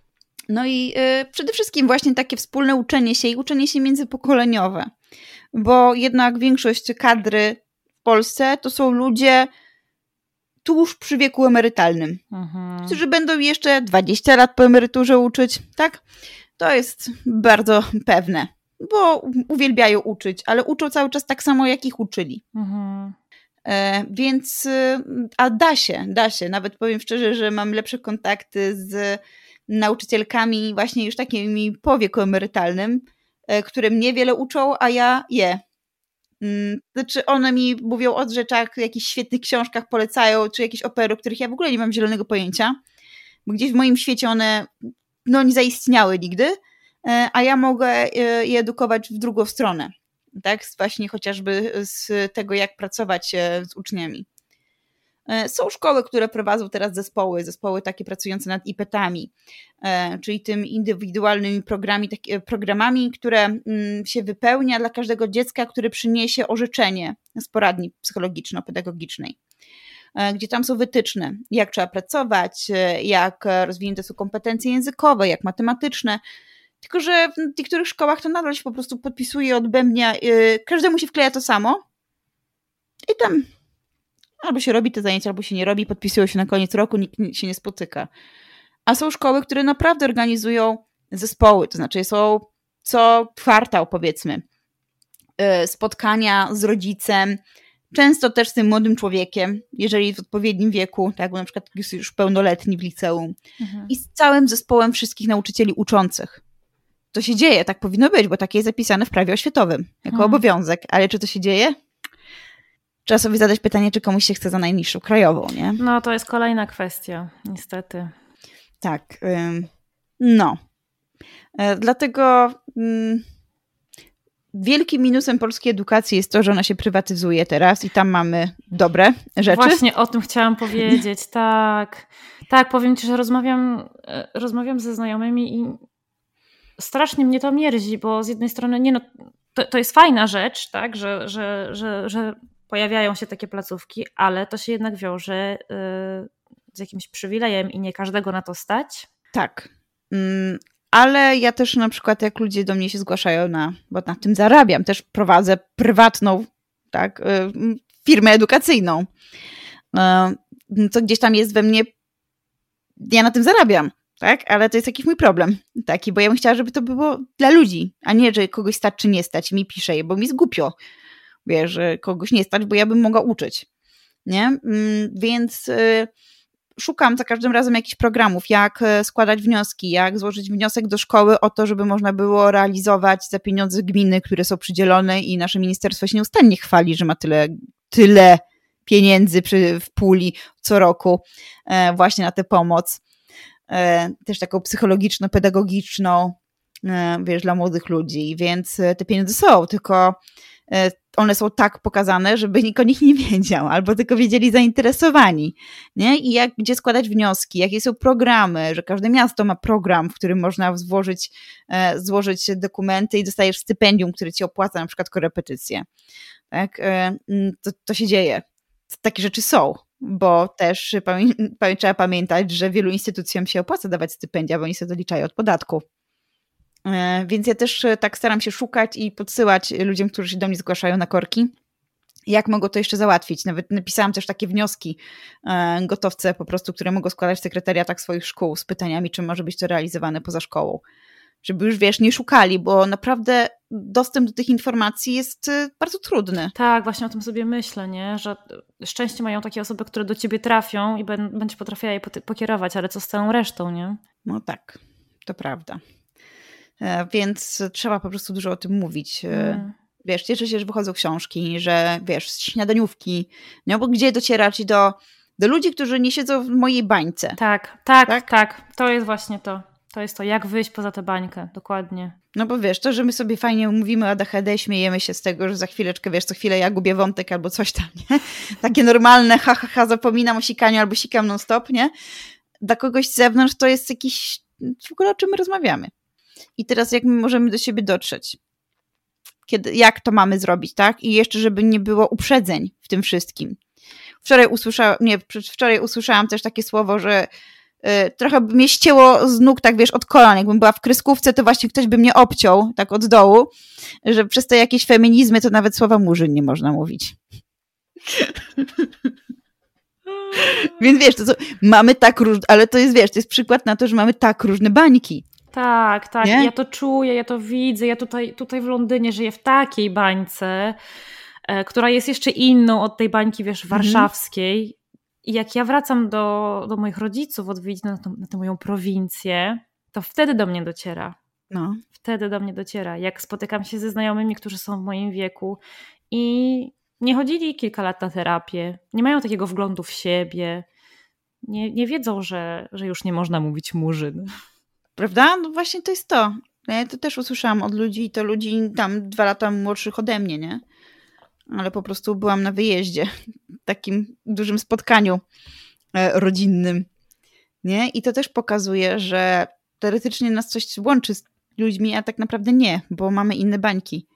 Nie? I, I to nie jest tak, żeby, nie mówię tego, żeby poczuć się, że jestem lepsza od nich, tak? Bo no, oni tak. mi mówili zupełnie inne rzeczy, które ja y, miałam taki pisk w głowie, że nie rozumiałam, co tam się dzieje. Y, tylko chodzi o to, żebyśmy jakoś się potrafili zrozumieć, nie? I jak to przekazać tak delikatnie, bez podsycania tego, co jest podsycane chociażby przez takie media, y, no, publiczne, bo to w gruncie rzeczy to dociera do ludzi, tak? No bo skąd ten człowiek będzie by użył tego słowa feminizm, jeżeli to nie ma ze sobą w ogóle w związku, nie? Mhm. Gdzieś, gdzieś to słowo tak krążyło bez wyjaśnienia, nigdy nie sprawdzał, tak. E, nie? Z czym to, się, to, czym to się je w ogóle, co to jest. Brzmi to jak jakaś choroba na XXI wieku. Tak, no i wymyślają, no wymyślają, bo robotą nie mogą się zająć, no. Nie chce im się. Pewnie, o tak, nie? oczywiście. No i myślę, że takie właśnie wystąpienia w śniadaniówkach, mimo wszystko, chociaż nie oglądam zupełnie, zresztą śpię o, tych por, o tej porze, e, to, mm, e, to jednak może to, tak? To by dotarło trochę, bo to już gdzieś tam się przewija. Gdzieś, no bo w radio jak ci gadają goście, no to zmieniasz na tę stację, gdzie jest muzyka. Kiedyś samochodem, tak mi się wydaje. Nie? Że, że chyba to by była jakaś taka metoda. No albo co, no billboardy, tak jak Jezu, ufam Tobie, teraz w Polsce wszędzie są. Myślę, że to może być problem. Wszystkie billboardy są już zarezerwowane tak, tak. na Jezusa. E, ale ja mam wrażenie, że zaczyna ten temat ruszać właśnie w śniadaniówkach ostatnimi czasy. Że, że, że właśnie teraz jest ten moment. Ja rozmawiałam ostatnio z dziewczynami, które prowadzą takie właśnie konta na Instagramie, które gdzieś tam szerzą świadomość na temat ADHD. I, i my mamy takie poczucie, że jesteśmy, stoimy u progu jakiejś wielkiej rewolucji, że, że właśnie w Polsce ten temat teraz zaczyna ruszać, że jest taka potrzeba mówienia o tym i jest potrzeba docierania coraz większa do tych treści. I bardzo mało ciągle jest takich treści właśnie po polsku. Tak, tak.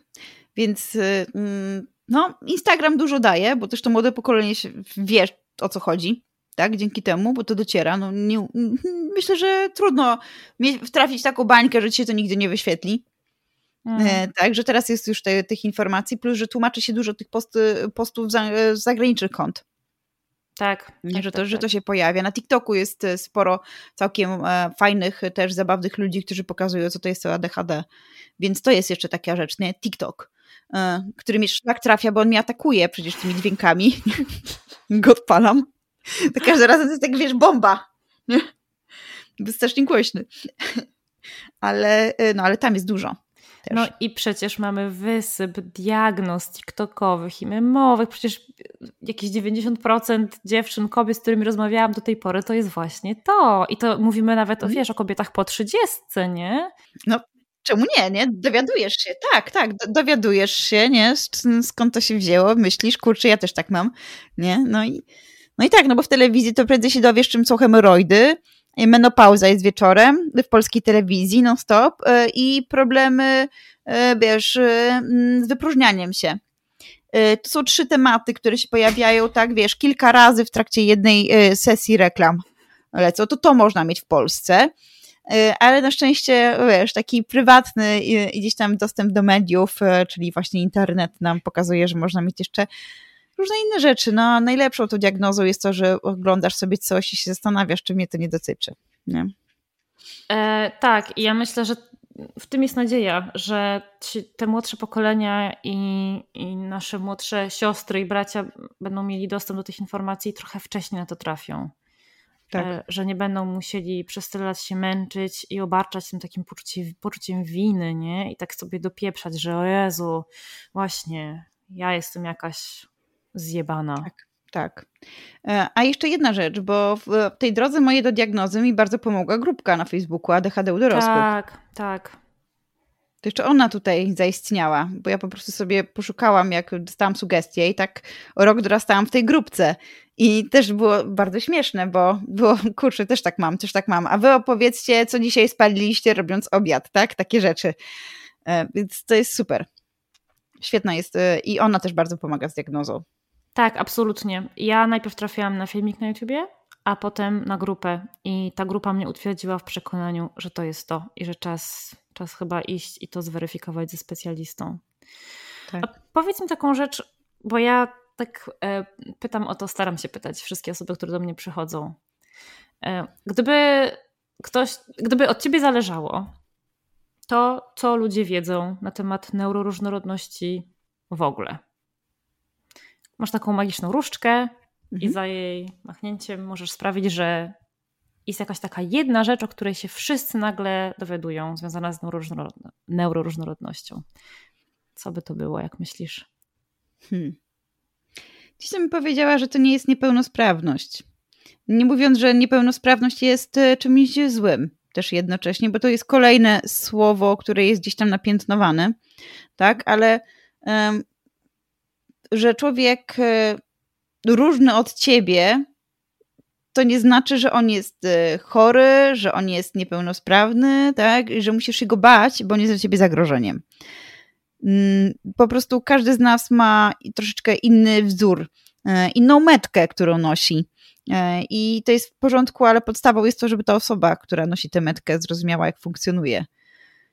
Wiesz, możemy się porównać do ubrań, tak? No, jeżeli jesteś swetrem z wełny, to nie wrzucisz siebie na 90 stopni do pralki.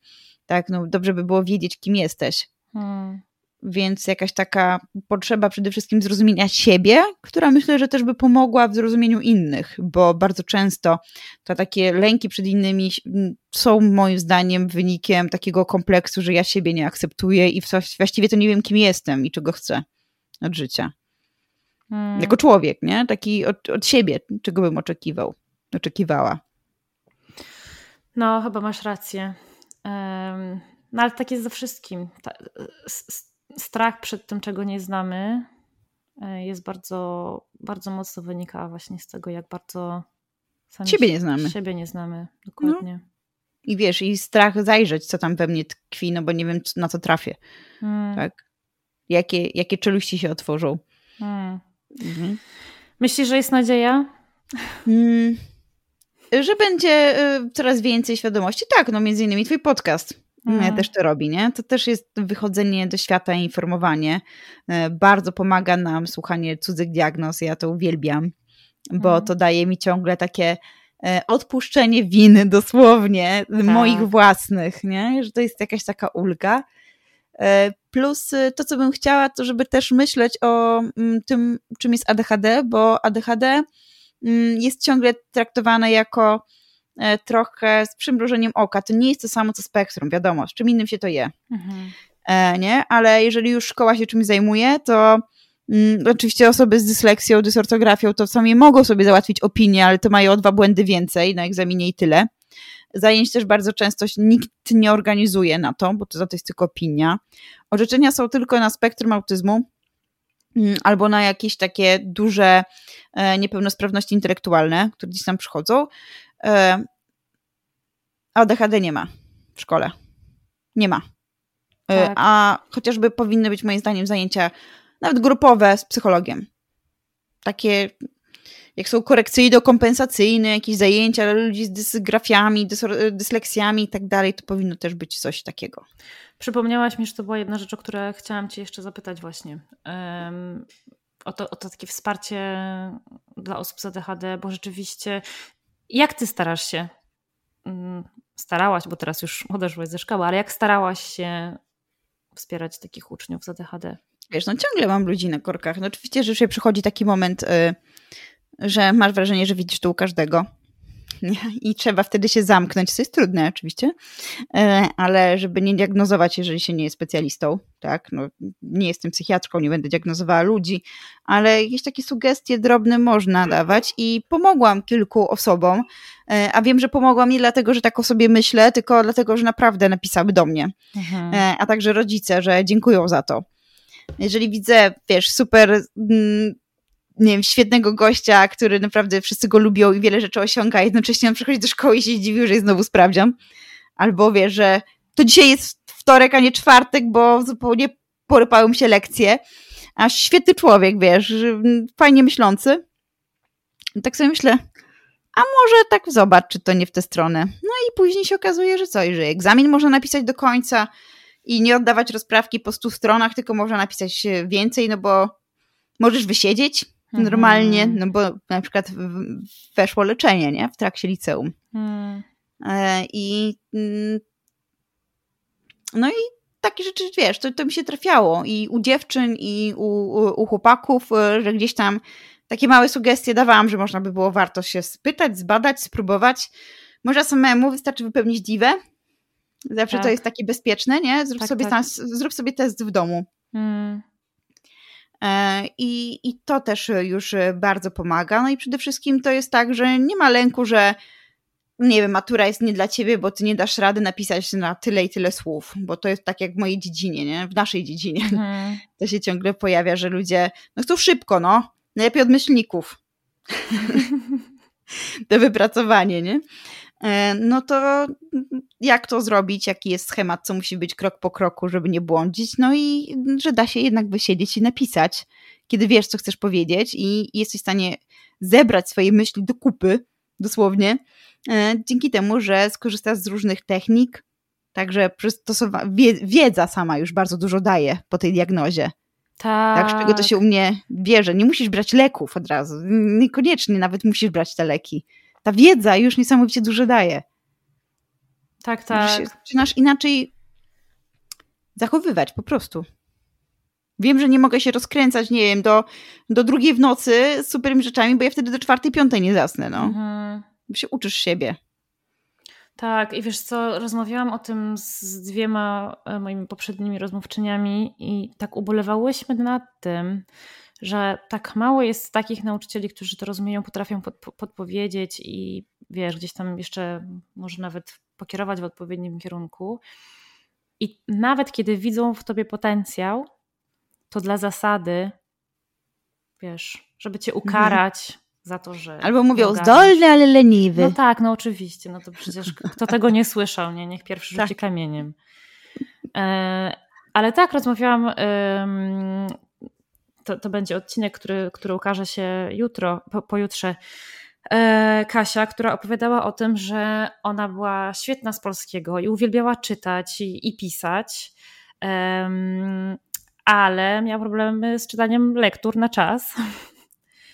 I nauczycielka otwarcie mówiła o tym, że ona widzi w niej potencjał i wie, że ona zasługuje na piątkę. Mhm. No, ale że tam z tą, z tą systematycznością był problem, no to żeby, żeby jej pokazać, żeby ją nauczyć. Tak. Piątki jej nie postawiła. No, co tutaj zrobić? No, no, tak, czasami wiesz, ludzie myślą, że jak kogoś do czegoś tam, jak kogoś ukażą, to go w ten sposób nauczą. Tak, tak, tak, tak. Ale to jest też takie pokolenie, myślę, no, naszych rodziców, nie? To tam wtedy było, no, że no nic tak jak klaps, ale już nie musi być to ten klaps fizyczny, to może być klaps mentalny. Dokładnie, dokładnie. Mm. Który po prostu jest y, jako mm, jakiś synonim dyscyplina, a dyscyplina jest synonimem wychowania, tak? Więc y, to, to, to nie tędy droga, no mm. wiemy, że ja, mm, wiesz, w międzyczasie robiłam jeszcze studium psychologii zwierząt i bardzo mi to pomogło, bo tak jak trenujesz zwierzęta wylęknione ze schroniska, e, żeby były w stanie funkcjonować w grupie, w społeczeństwie w ogóle, no to e, nie klepniesz go klapsem, bo ci odgryzie rękę do łokcia, bo on już to w życiu miał, nie?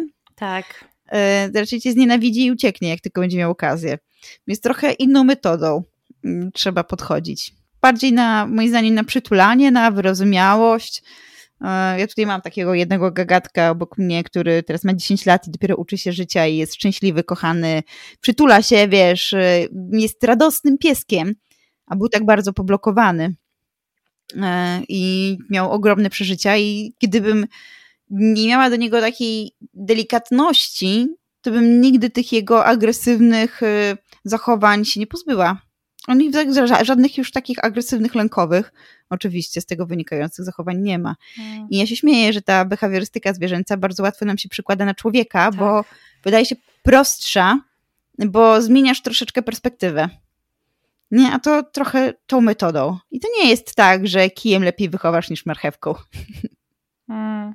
Drodzy nauczyciele słuchający tej rozmowy, weźcie to sobie bardzo do serca. Tak, no rozumiem, z czego wynika metoda kija, z frustracji, że sobie nie radzisz, ty jako nauczyciel, czy ty jako rodzic. Hmm. Nie, bo to stąd. Mm. No to jak Ale nie ma... sobie radzisz z taką frustracją w takim razie, jeżeli zdarza ci się... No ja chodziłam na terapię. Radzić. No tak.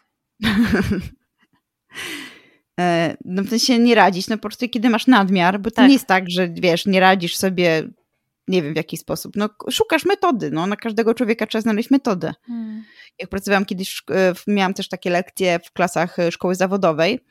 Mm, jestem osobą niewierzącą, ale przeżegnałam się nieraz wchodząc tam do sali. 35 chłopaków, niektórzy, wiesz, już prawie pełnoletni, ja świeżo po studiach. Pełna sala, jeden polski w tygodniu, dwa, dwie religie w tygodniu. No i czego ja ich nauczę? Nie? Tu jeden już odpala elektryka pod ławką, e, ten wyrzuca doniczkę przez okno.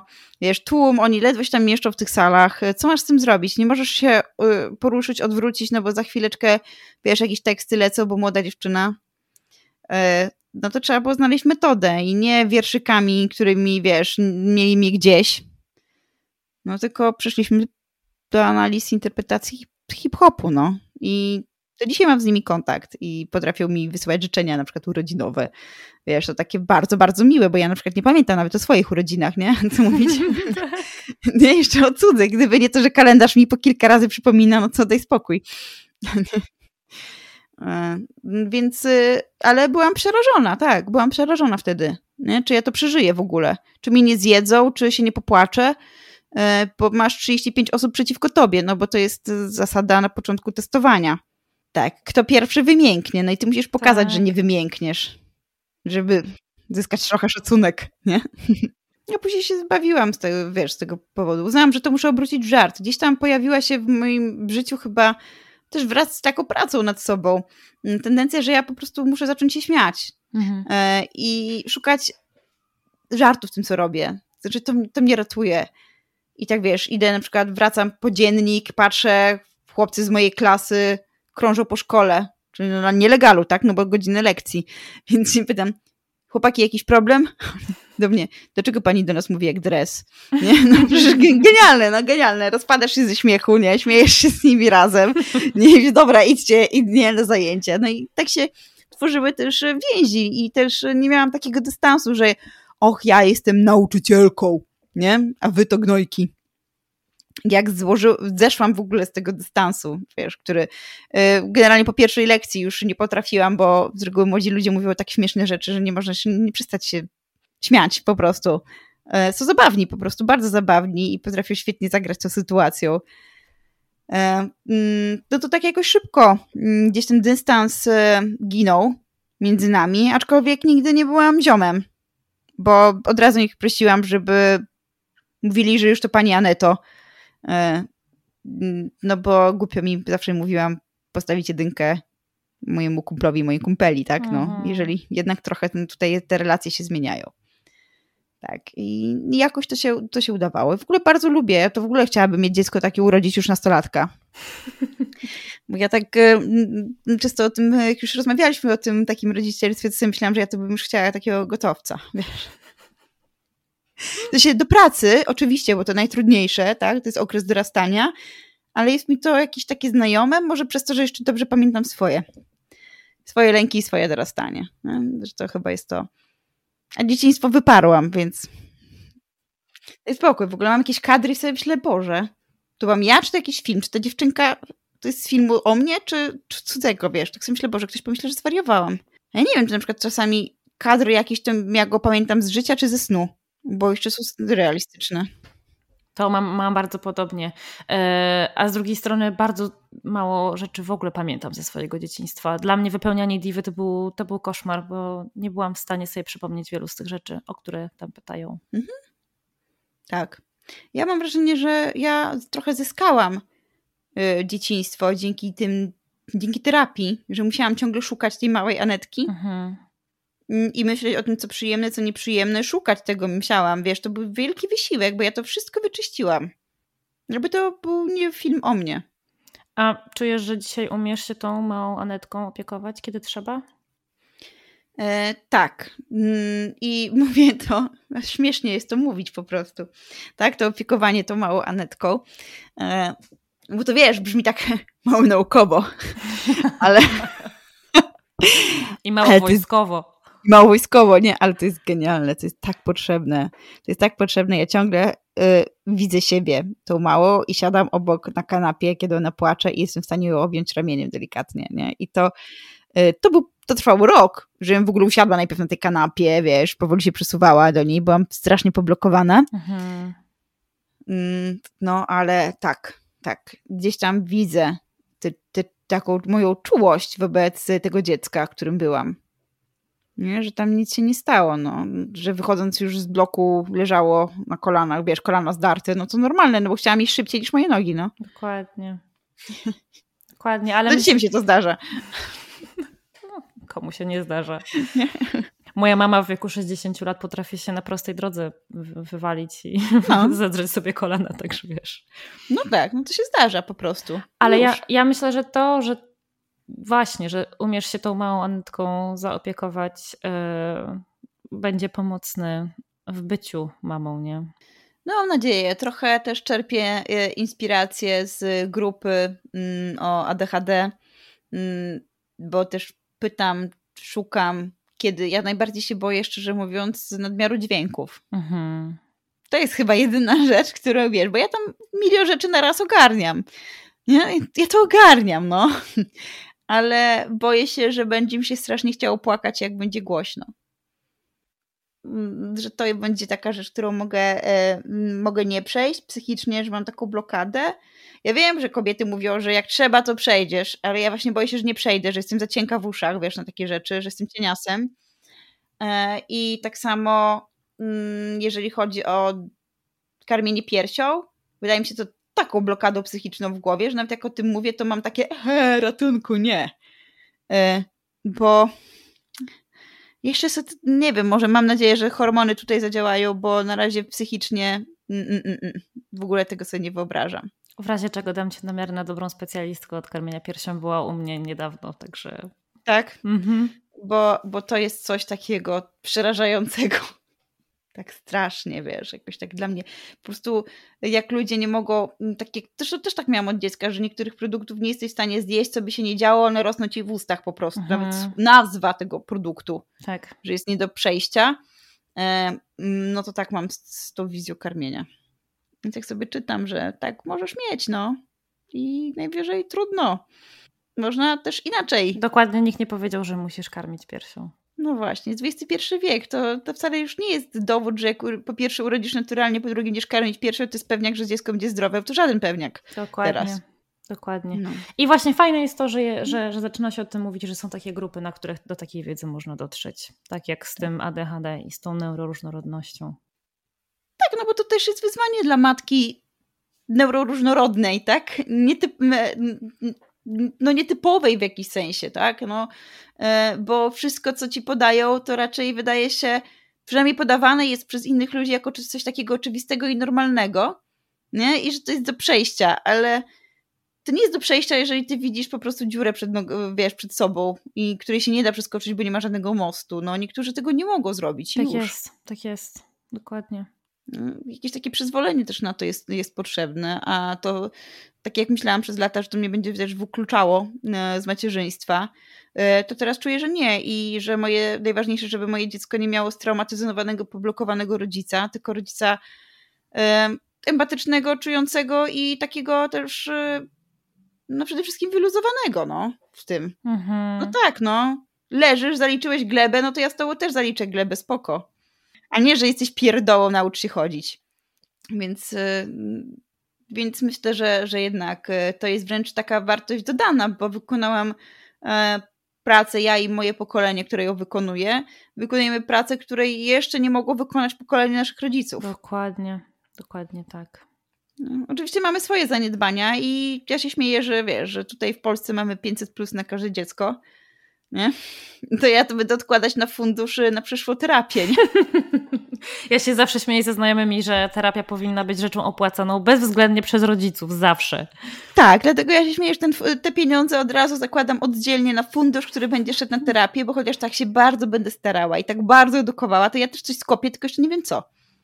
No na pewno to jest nie do, nie do uniknięcia, mhm. ale też właśnie jest taka świadomość tego, że nie, nie, nie musisz być idealnym rodzicem, bo coś takiego nie istnieje, jest, jest już dobrym punktem wyjścia. Kiedy data? 18 lutego. To jeszcze, jeszcze, jeszcze, jeszcze, trochę, aczkolwiek dopiero się dowiedziałam, a tutaj już patrz, czwarty miesiąc. Naprawdę dopiero się dowiedziałam, mam wrażenie, bo się dowiedziałam w czerwcu. Wiesz, i co jest? No już prawie wrzesień, także. Nie? Co jest? w ogóle to jest kolejna rzecz, nie? Zero poczucia czasu. A propos poczucia czasu. Tak, właśnie patrzę, że my już trochę całkiem nieźle nawijamy. Myślę, myślę że czas powoli kończyć. Słuchaj, dziękuję Ci, że ten czas dla mnie znalazłaś, bo domyślam się, że nie jest z tym u Ciebie łatwo. Tylko trzeba szybko działać, bo wiesz, później to obiecam i zapomnę. Tak, także cieszę się, że była szybka akcja. Bardzo się cieszę, że miałyśmy, miałyśmy moment, e, żeby usiąść i porozmawiać. Dziękuję Ci bardzo. Ja Ci bardzo, bardzo, bardzo dziękuję i że chciałaś mnie słuchać prawie dwie godziny, Boże. A, coś tam dla się... mnie to wiesz, takie, to jest też terapia dla mnie. Tak, ale mogę przypomnieć. Tak, ale powiem Ci, że ja rozmawiam o tym e, często, że to jest terapeutyczne, myślę, że dla dwóch stron. Dla mnie i dla, dla osób, które przychodzą ze mną rozmawiać. E, I to też to w tym trochę chodzi, nie? No tak, to jest, mówię, gdyby nie świadectwa innych kobiet, to pewnie bym nigdy w to nie uwierzyła. Dokładnie, dokładnie. Dlatego teraz będziesz kolejnym świadectwem. Bardzo się cieszę. No dobra, to dziękuję Ci bardzo jeszcze raz i do zobaczenia, do usłyszenia gdzieś kiedyś tak. w internecie. Pewnie, dzięki Ci bardzo, Olu.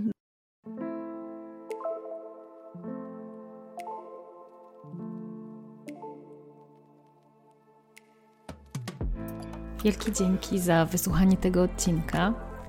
I oczywiście Spotify, YouTube czy TikTok nie powinny być wyznacznikami diagnozy.